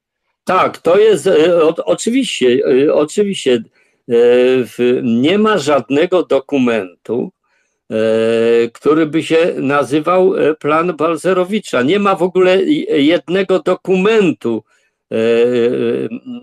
ponieważ e, plan Balzerowicza to było od razu działanie, bez gadania i bez pisania programów, tylko od razu działanie polegające na przygotowaniu serii ustaw. Serii ustaw. Suma tych ustaw, suma tych ustaw tworzyła, tworzyła z jednej strony podstawy tej operacji antyinflacyjnej, a z drugiej strony e, tworzyła nowy kontekst e, e, instytucjonalny, prawny i tak dalej, wyzwalający siły rynku i przebudowujący gospodarkę. To był, że tak powiem, to potem zyskało taką PR-owską, publicystyczną nazwę planu Balcerowicza i tak zostało. I tak zostało. Ale więc było jasne, co trzeba zrobić. No i po to był, szuka, była, był szukany po prostu wykonawca. Wykonawca, by parę osób, dwie osoby nam odmówiły. Przez moment ja miałem od Mazowieckiego e, e, sugestię, by to wziąć, ale ja nie czułem się na siłach i e, wtedy po prostu trochę, żeby uniknąć tej roli, pomyślałem o tym, że jest przecież Leszek Balcerowicz, którego ja znam i wiem, jak myśli, i, i właśnie zaproponowałem Mazowieckiemu Leszka Balcerowicza. On zrobił świetne wrażenie. E, No i od tego się zaczęło. Ja, ja, nie, ja e, nie potrafię e, jak gdyby musi, musimy tu przejść do jakichś konkretniejszych pytań, żebym ja mógł, wie pan, odpowiedzieć na pytanie dotyczące właśnie tego, tego przełomu gospodarczego. Ten przełom, panie e, Waldemarze, wywołał potworny ból w dużej części społeczeństwa oczywiście.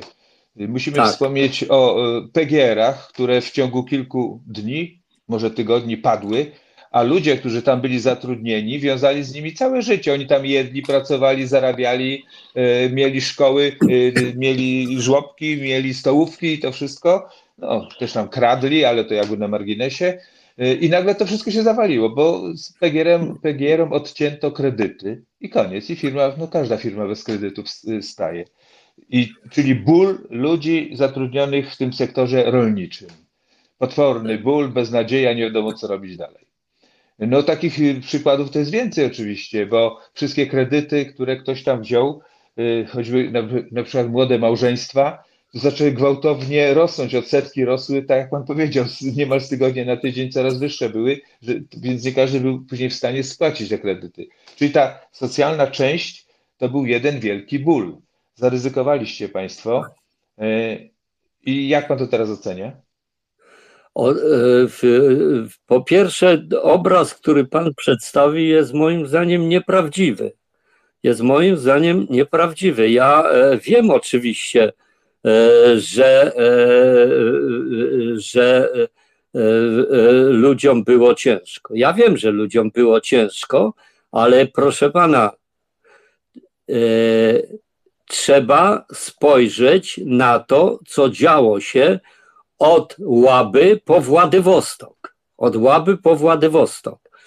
To nie jest tak, że Polsce, że w Polsce, e, wie pan, nastąpiło załamanie gospodarcze, a wszędzie była laba. E, e, Załamanie systemu komunistycznego na ogromnym obszarze planety wywołało gigantyczny kryzys gospodarczy we wszystkich krajach odchodzących od komunizmu, bez względu na to, jaki kraj, jaką prowadził politykę.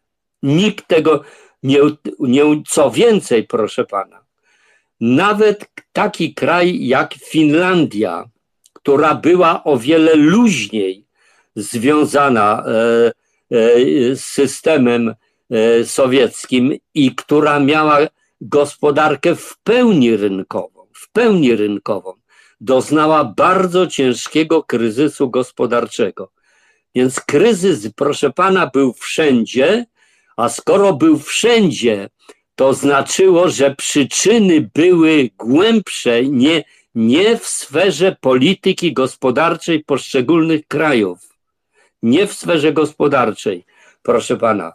One, e, e, e, kryzys nastąpił e, dlatego, że załamał się cały system centralnego kierowania gospodarką. W tym systemie, proszę pana, każde przedsiębiorstwo dostawało to polecenie, co ma robić, e, kto mu pożyczy pieniądze, e, kto mu pieniądze na, komu ma sprzedać i tak dalej. I tak dalej. Dostało. I teraz, proszę pana, ten system się rozpada, znika. Znika, nie ma go.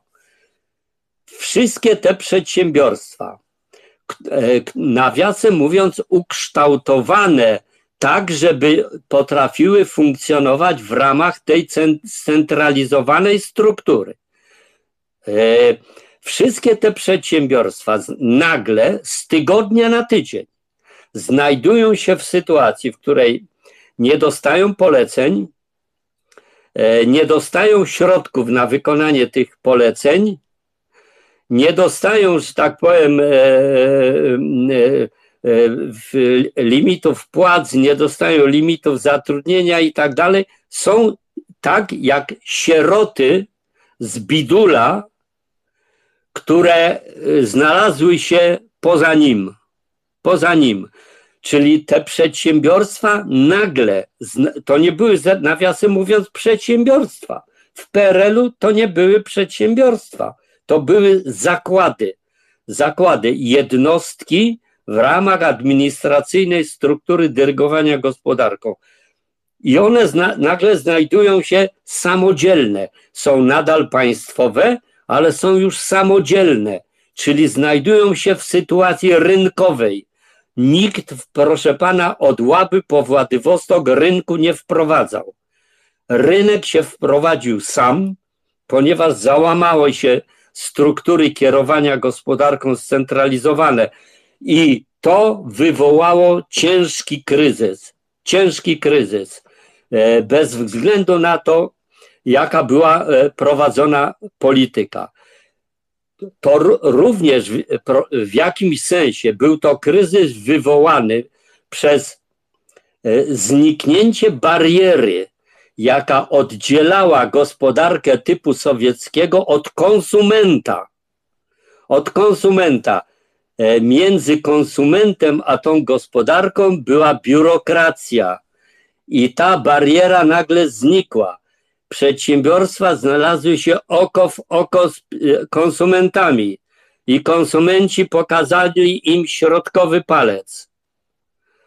Proszę pana, to był e, jednym z objawów e, kryzysu pierwszych lat i miesięcy transformacji jest radykalna, rewolucyjna zmiana struktury popytu, na którą ta, ten aparat postsowiecki nie był w stanie odpowiedzieć.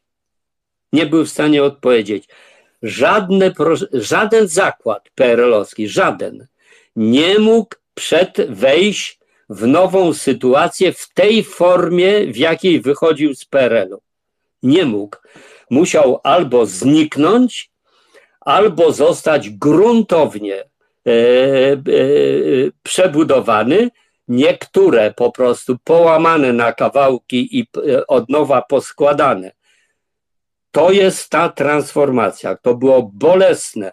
Teraz, proszę pana, jak się porównuje pod względem tej bolesności Polskę i inne kraje i bierzemy dwa wskaźniki.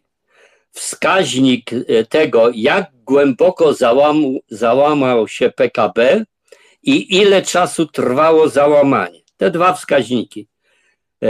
Jeśli chodzi o te dwa wskaźniki, załamanie w Polsce, to tragiczne, o którym Pan mówi, było najpłytsze i trwało najkrócej. I to nie jest mój pogląd, to są po prostu liczby. To są liczby. Więc wie pan, bez, nie przesadzę. I, jeśli chodzi o PGR-y, proszę pana, ja wiem, że tam było, e, że tam było bardzo trudno, ale z nimi nie stało się nic innego, co się nie stało z pozostałymi dziedzinami gospodarki. Gospodarki. Jeżeli tak płaczemy nad PGR-ami, które były jedną z największych patologii gospodarki komunistycznej, która wycieńczała kraj. Przez to właśnie, że szły tam ze względów ideologicznych ogromna masa środków, które były marnotrawione.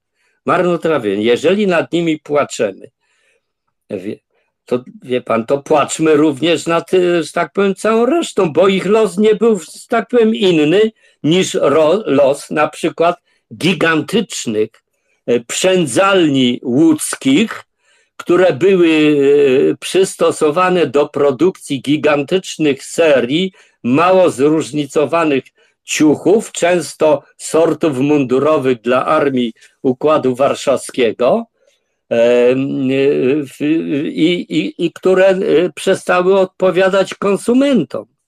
Czy, proszę pana, wielkie piekarnie, które e, e, produkowały, że tak powiem, standardowe kilka gatunków chleba, podczas gdy ludzie od, od 89 roku żądali różnorodności. Więc e, kryzys transformacyjny w Polsce był najkrótszy i najsłabszy, dodam, dzięki planowi Balcerowicza, ponieważ w odróżnieniu od wielu krajów, które się wahały. E, myśmy PRL-owskiego trupa wyprowadzali, wyprowadzili z mieszkania tak szybko, jak to możliwe. Tak szybko, jak to możliwe. O. Zatem zaproponowaliście panowie bardzo gorzkie, ale jednak lekarstwo, tak? Tak jest, tak jest. To nie było transformacja, nie była E, dewastacją. Transformacja była leczeniem bolesnym. To jest to prawda. To prawda. Ale e, e, w żadnej gospodarce nie przetrwałaby taka fabryka, jaką był Ursus. Jaką był Ursus, produkująca, nie wiem, 100 tysięcy marnych ciągników, na które po zniknięciu rynku RWPG, bo to, to, był, to był rynek także dla e, krajów trzeciego świata stowarzyszonych e, bliskich Związkowi Radzieckiemu, nagle e, popyt na dobra tej fabryki zniknął. To tylko przykład podaję. Nawiasem mówiąc, Ursus mógł przetrwać w zmienionej postaci zmienionej postaci, po, gdyby nie związki zawodowe. Gdyby nie związki, prawdopodobnie Stocznia Gdańska by też przetrwała. Tylko nie w tej postaci. Po pierwsze, każdy, każdy ten zakład PRL-owski musiałby być przebudowany. Przede wszystkim musiałby zostać y, odchudzony z zatrudnienia.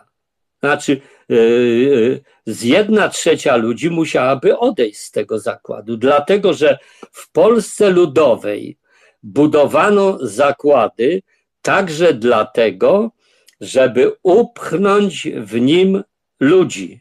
To jest nieprawda, że w PRL-u wszyscy mieli pracę. Wszyscy mieli etat, ale to nie znaczy, że mieli pracę.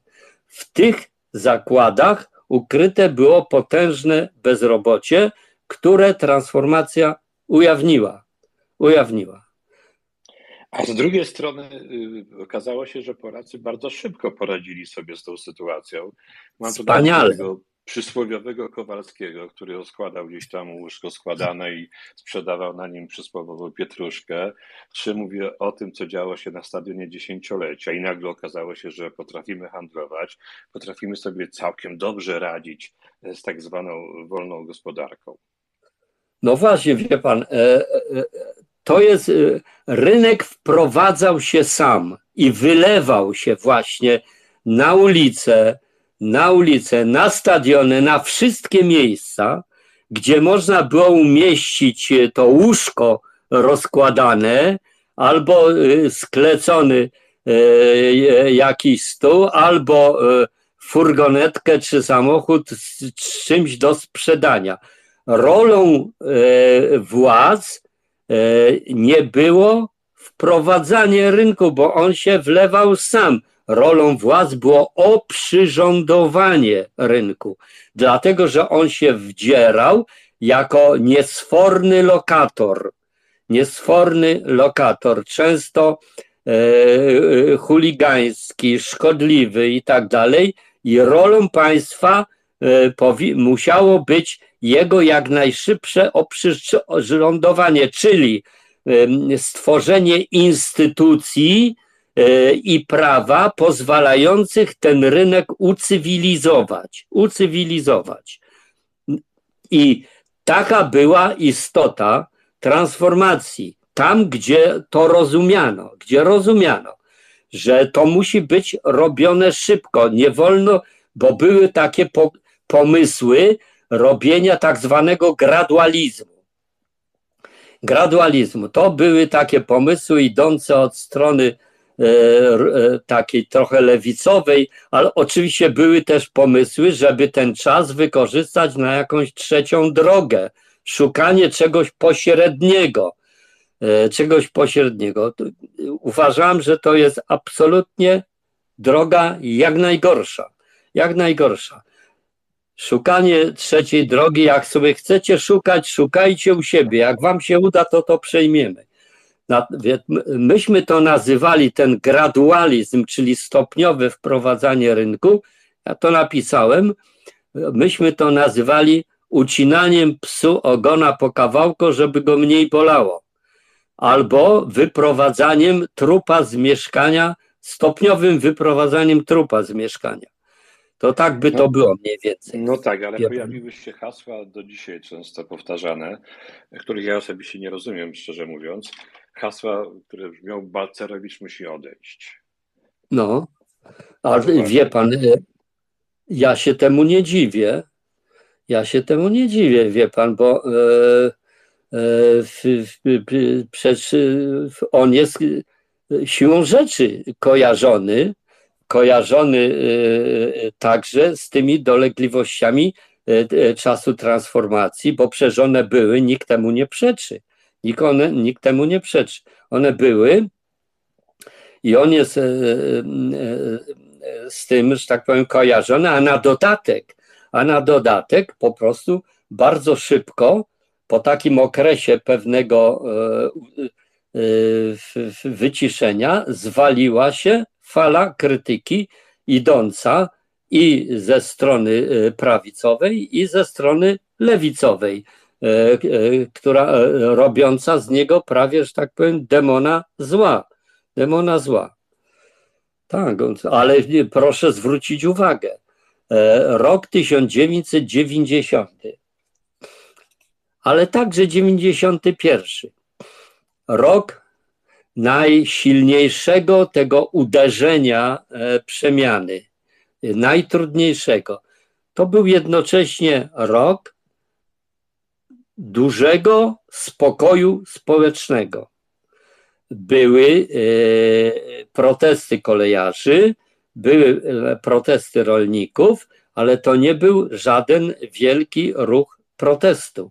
Nie był żaden wielki ruch protestu, dlatego że E, ten rok 90 z jednej strony wyjął ludziom z kieszeni dużo pieniędzy, tak jak to było, że tak powiem, zapowiedziane. Zresztą zapowiedziane to było w wystąpieniu Mazowieckiego w jego przemówieniu sejmowym, ale z drugiej strony ten rok 90 dał po raz pierwszy ludziom możliwość pójścia do sklepu i kupienia sobie czterech czy pięciu plasterków szynki.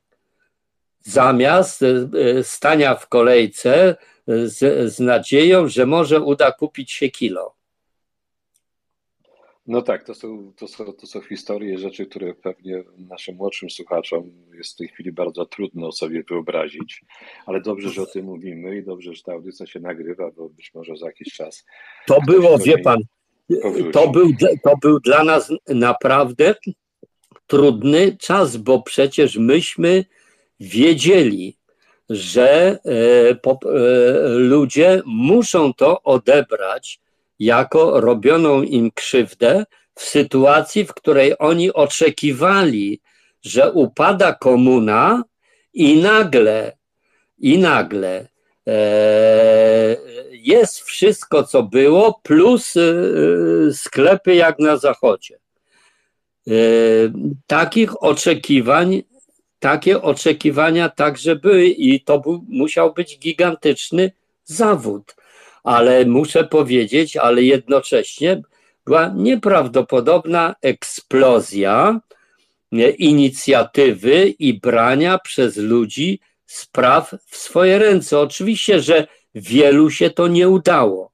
Wielu się to nie udało, ale bardzo wielu się to udało i, i w sposób, i, i w tempie wręcz błyskawicznym, błyskawicznym odrosło na przykład takie, takie podglebie e, gospodarki niezmiernie dla niej ważne, niezmiernie dla niej ważne, jaką są, jakim są e, przedsiębiorstwa małe, małe przedsiębiorstwa, e, małe sklepy, małe, małe firmy.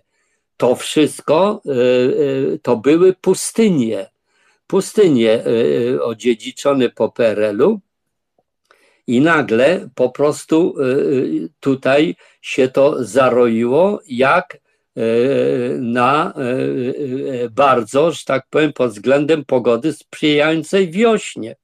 wiośnie. Na potwierdzenie tego, co Pan mówi, wspomnę tylko, bo mieszkam tu w pobliżu granicy polsko-niemieckiej, że wówczas społeczeństwo enerdowskie, oni już byli właściwie włączani w Niemcy duże, to było w szoku nie mogli się nadziwić, jak ci Polacy błyskawicznie potrafią znaleźć w sobie ujście z tego bólu, że tak powiem.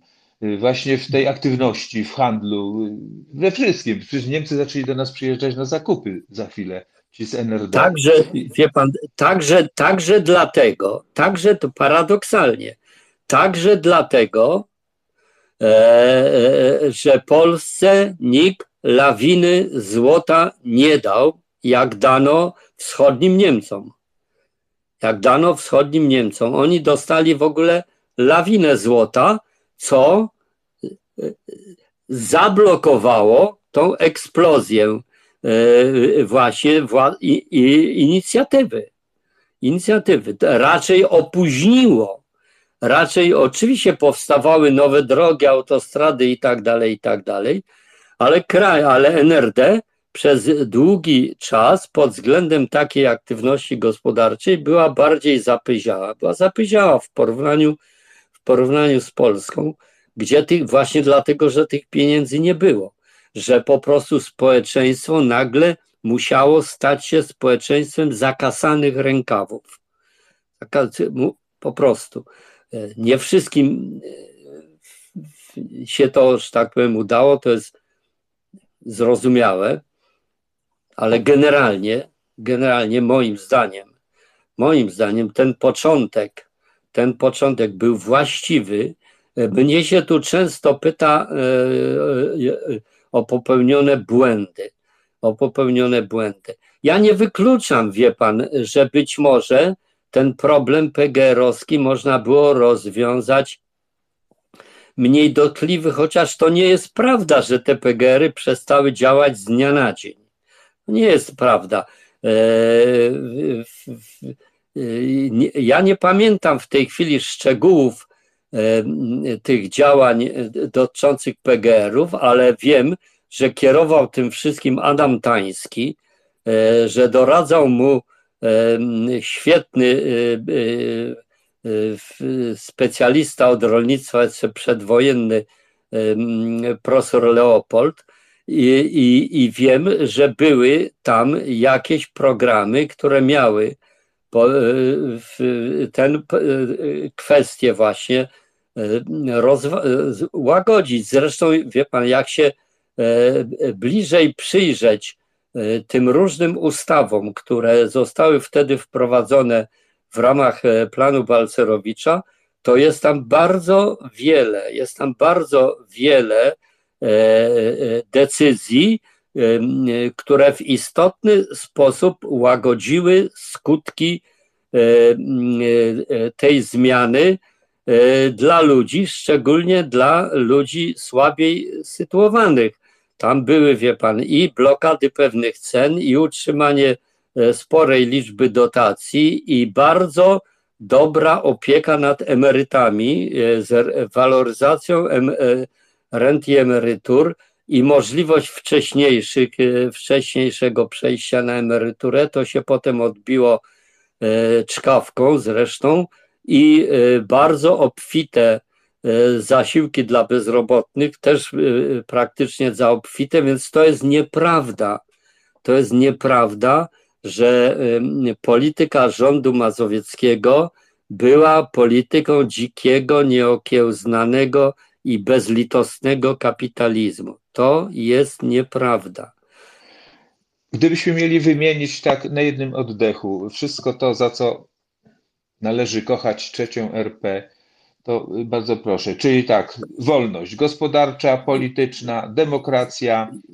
Co jeszcze pominąłem? Znaczy, ja, wie pan, yy, dla mnie wolność, wie pan, dla mnie, yy, dla mnie wolność. Ja muszę powiedzieć, wie pan, że rok, jak powiedziałem, rok 80 to jest dla mnie yy, rok cudu, rok cudu wolności, który ja odbieram, ja do dziś czuję, wie pan, promieniowanie tego 89 roku, porównuję często to do, do takiego do fizycznego promieniowania tła, tła, czyli początku wszechświata i największą radość. Zawsze odczuwałem przez lata, odczuwałem największą radość, taką satysfakcję, że tego dożyłem, gdy jechałem samochodem i mijałem gmach Komitetu Centralnego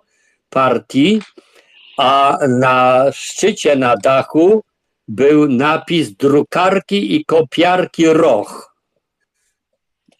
Więc to było dla mnie, wie pan, to było dla mnie, za, po pierwsze za to, po drugie, wie pan, za całkiem nieźle i błyskawicznie w ciągu ćwierćwiecza skonstruowane nie, niezłe państwo konstytucyjne, oparte o konstytucję, dodam, o niezłą konstytucję, a nawet o dobrą konstytucję.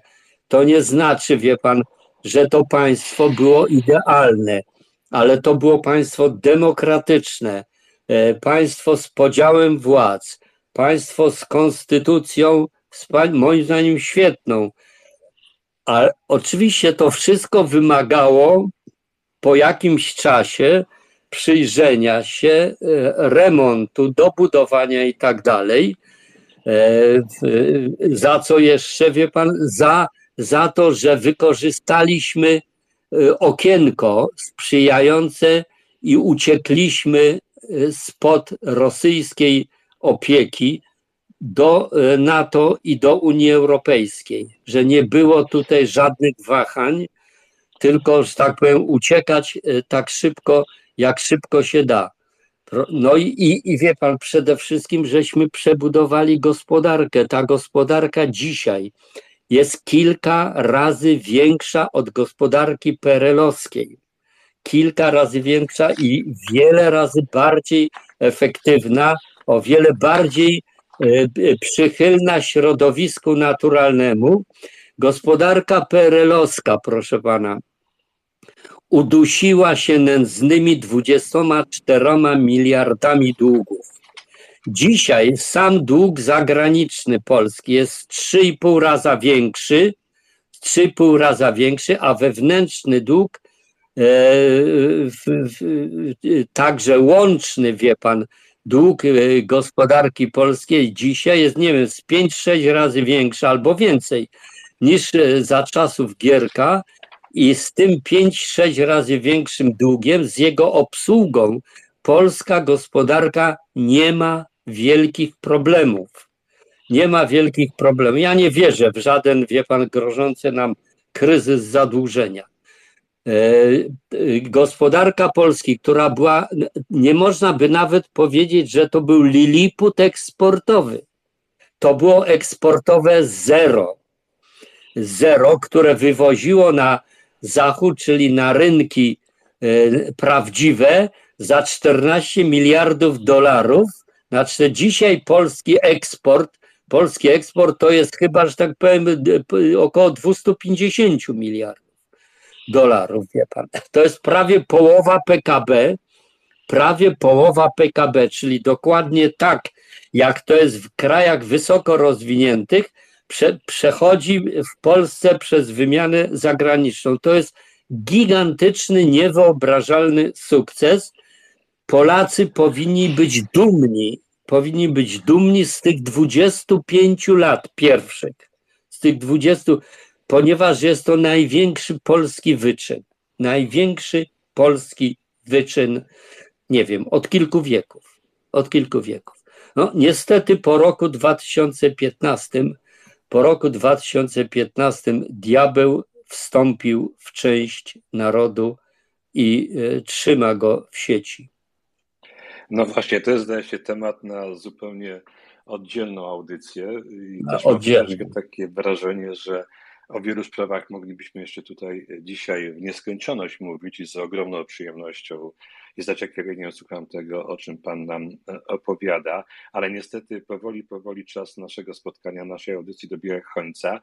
E, tradycyjnie e, zadam takie pytanie, informując Pana o tym, że w listopadzie bodajże gościem naszym był Pan profesor Paweł Śpiewak, który przedstawił ideę wspólnej listy opozycji demokratycznej w najbliższych wyborach do, do parlamentu. I w Pytanie moje brzmi właśnie, jakie jest Pana zdanie, razem czy osobno? Ja, wie Pan, ja, ja nie mam poglądu. Ja nie mam poglądu na ten temat. Wydaje mi się, e, e, wie Pan, wydaje mi się, że e, najbardziej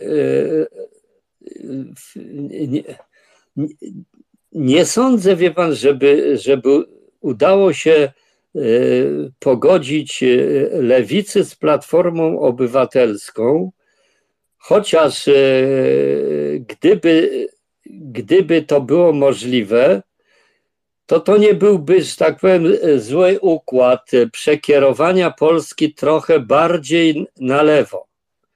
Na lewo w stosunku do tego, do tego co jest, ale to się chyba nie uda, wie pan, więc Drugi układ to jest, y, y, y, to jest oczywiście platforma do spółki z PSL-em i z Hołownią. Ja, ja nie wiem, ja nie mam na ten temat zdecydowanego poglądu. Dla mnie najważniejsze jest, żeby te wszystkie siły polityczne, które dzisiaj łącznie i już od wielu miesięcy reprezentują dwie trzecie narodu, oni reprezent, te partie reprezentują dwie trzecie narodu, bo mniej więcej w sondażach taki jest rozkład. 30 e, procent e, Prawo i Sprawiedliwość i e, pod 60% 55, 60, 30, 35 taki jest układ, więc oni reprezentują zdecydowaną większość narodu, zdecydowana większość narodu od kilku lat pokazuje, że nie chce Polski pisowskiej, że nie chce Polski PiS, że jej nie akceptuje. E, to, co robi PiS, jest robione wbrew woli większości narodu. Większości narodu. Oni niestety e, nieszczęściem jest system Donta który przy pierwszej możliwości powinien zostać albo głęboko zmodyfikowany, albo wręcz usunięty, albo wręcz usunięty, bo w przypadku Polski, w przypadku Polski i, i Polaków, e, którzy ciągle e, e, Mamy problem z głosem. Tak, tych tematów do rozmowy, do, do, do poruszenia ich naprawdę jest bardzo wiele. Myślę, że poruszyliśmy tylko niewielką część z tych tematów. Można by jeszcze mówić o, o kwestii na przykład tej nadaniu ogromnych przywilejów Kościołowi właśnie w latach 90. i konsekwencji tego teraz. Wiem, że pan Waldemar także ma swoje zdanie na temat odmienności seksualnych. Wiem także, że to zdanie jest całkiem zbliżone do tego, co, co, co na przykład myślimy tutaj na antenie tego radia, chociaż w pewnych kwestiach, w pewnych kwestiach się, się różnimy. Ale z całą pewnością, i to był sens i, i cel tej naszej dzisiejszej audycji, aby pokazać osobę, która związana jest w tak ogromny sposób z najnowszą historią Polski. Co więcej, tę historię w sposób bardzo efektywny kształtowała. Ma na ten temat swoje opinie, swoje, swoje zdanie. I myślę, że, że wartość tej audycji będzie, będzie do oceny pewnie za jakiś czas, kiedy minie już jakieś tam kolejne lata, czy, czy kolejny okres, i wtedy faktycznie to wszystko i te dokonania, i także działania pojawią się nam w takim zupełnie innym świetle w odniesieniu do takiej czy innej aktualnej sytuacji. Ale widzę, że jest w tej chwili pan Waldemar ponownie. Bardzo proszę, Mateuszu, jeszcze. O, już jest. Panie Waldemarze. Ja nie wy, wygłosiłem tutaj długą kwestię, której chyba się nie nagrała. Ale sporo tak. Tak, sporo. Nie tak, wiem, co, nie wiem, no właśnie wszedłem z powrotem. Pani Ania tu dzwoni do mnie.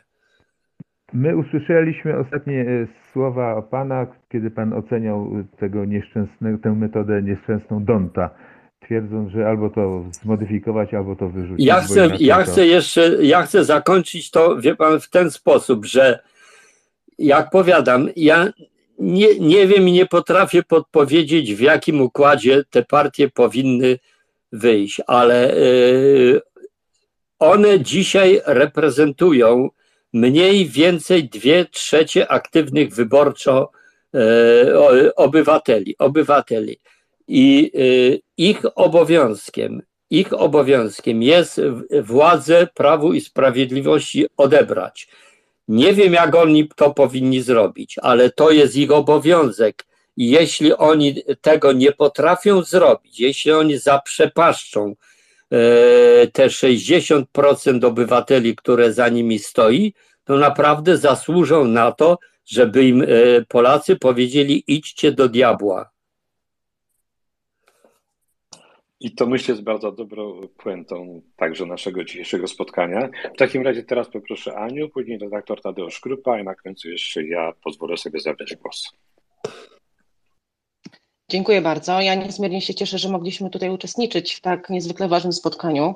Bardzo dziękuję. Myślę, że to była uczta dla nas wszystkich. E, No cóż, mogę powiedzieć tylko od siebie, jako taką puentę, żebyśmy pochylili się jeszcze raz nad tym pytaniem, za co kochać trzecią RP.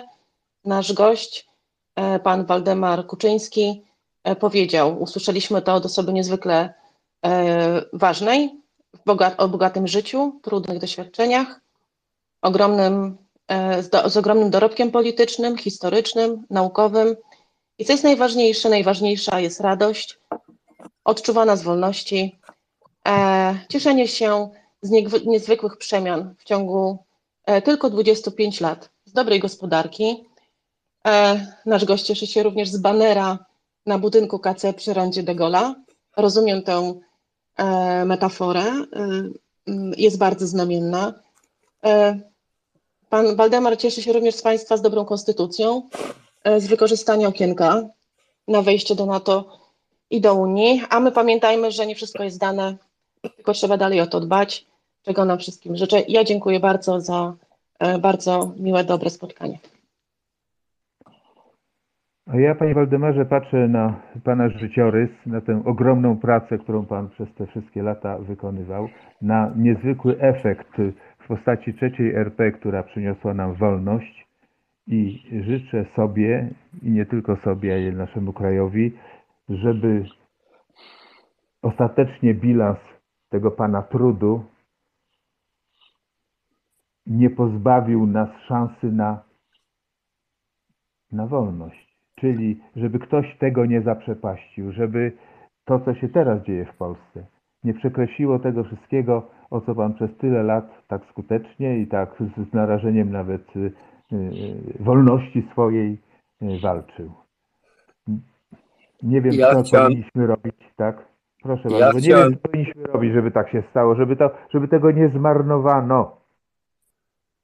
Proszę bardzo. Pan Ja, chcia, ja chciałem podziękować, ja chciałem podziękować e, Wam, zespołowi radia, za umożliwienie mi e, e, tego gadania. To po pie- ja pod, I oczywiście chciałbym podziękować wszystkim e, słuchaczom, którzy wytrzymali te dwie godziny e, i życzę, e, życzę dobrej nocy. Życzę, ja myślę po prostu, że nam się uda faktycznie e, zakończyć okres tej polskiej smuty, bo to niestety jest smuta rządy obecnej władzy.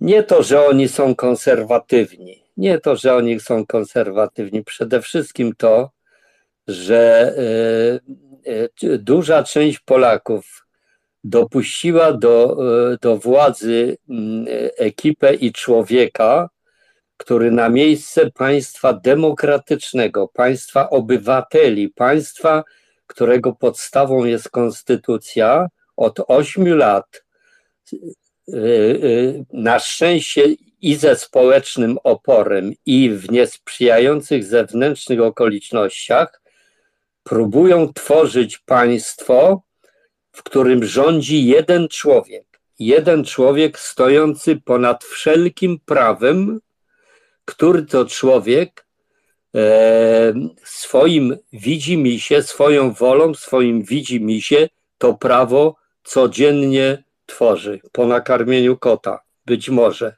być może. Otóż, proszę Państwa, to jest państwo, które jest oparte, oczywiście ono nie ma nic wspólnego z XX wiekiem i latami 30., ale to jest państwo, u którego podstaw leży nie konstytucja, czyli nie leży zbiorowa wola narodu skodyfikowana w postaci ustawy zasadniczej, lecz leży zasada wozowska, znana z historii jako Führer Prinzip. Führer Prinzip. Otóż nie wolno dopuścić do tego, by Polska stała się państwem opartym o tą zasadę. I mam nadzieję, że w tym roku ta, ten y, ponury eksperyment się skończy.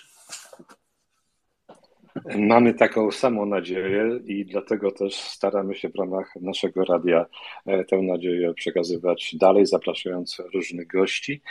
Ja także panu bardzo serdecznie dziękuję za to, że zgodził się pan wziąć udział w naszej audycji. Trwało to trochę, ale jestem ogromnie Z, wdzięczny. dużą, i- z dużą przyjemnością. Natomiast chciałbym dzisiaj, oprócz tego, że panu dziękuję naszym słuchaczom, podziękować także Mateuszowi, który czuwał nad naszą audycją od strony technicznej, Annie K., która jak zwykle czuwała od strony marketingowej i merytorycznej. E, Zapowiem od razu to, co się jeszcze wydarzy na antenie naszego radia. Otóż jak zwykle we czwartek audycja Anny K., później niedzielę e, o 21 zawsze mamy audycję Sportowe Gadki, e, w poniedziałek epilog, natomiast we wtorek o tej samej porze zapraszamy wszystkich naszych słuchaczy, może także pana, jeżeli znajdzie pan czas, ponieważ naszym gościem będzie były premier pan Leszek Miller. Tak więc A. serdecznie, serdecznie zapraszamy. Jeżeli Pan znajdzie chwilę czasu, to oczywiście będzie nam bardzo miło. A dzisiejszą audycję mm, prowadzili Tadeusz Krupa i mówiący te słowa Arkadiusz Orszowy. Dziękuję bardzo, dobranoc, spokojnej nocy. Dobranoc Państwu.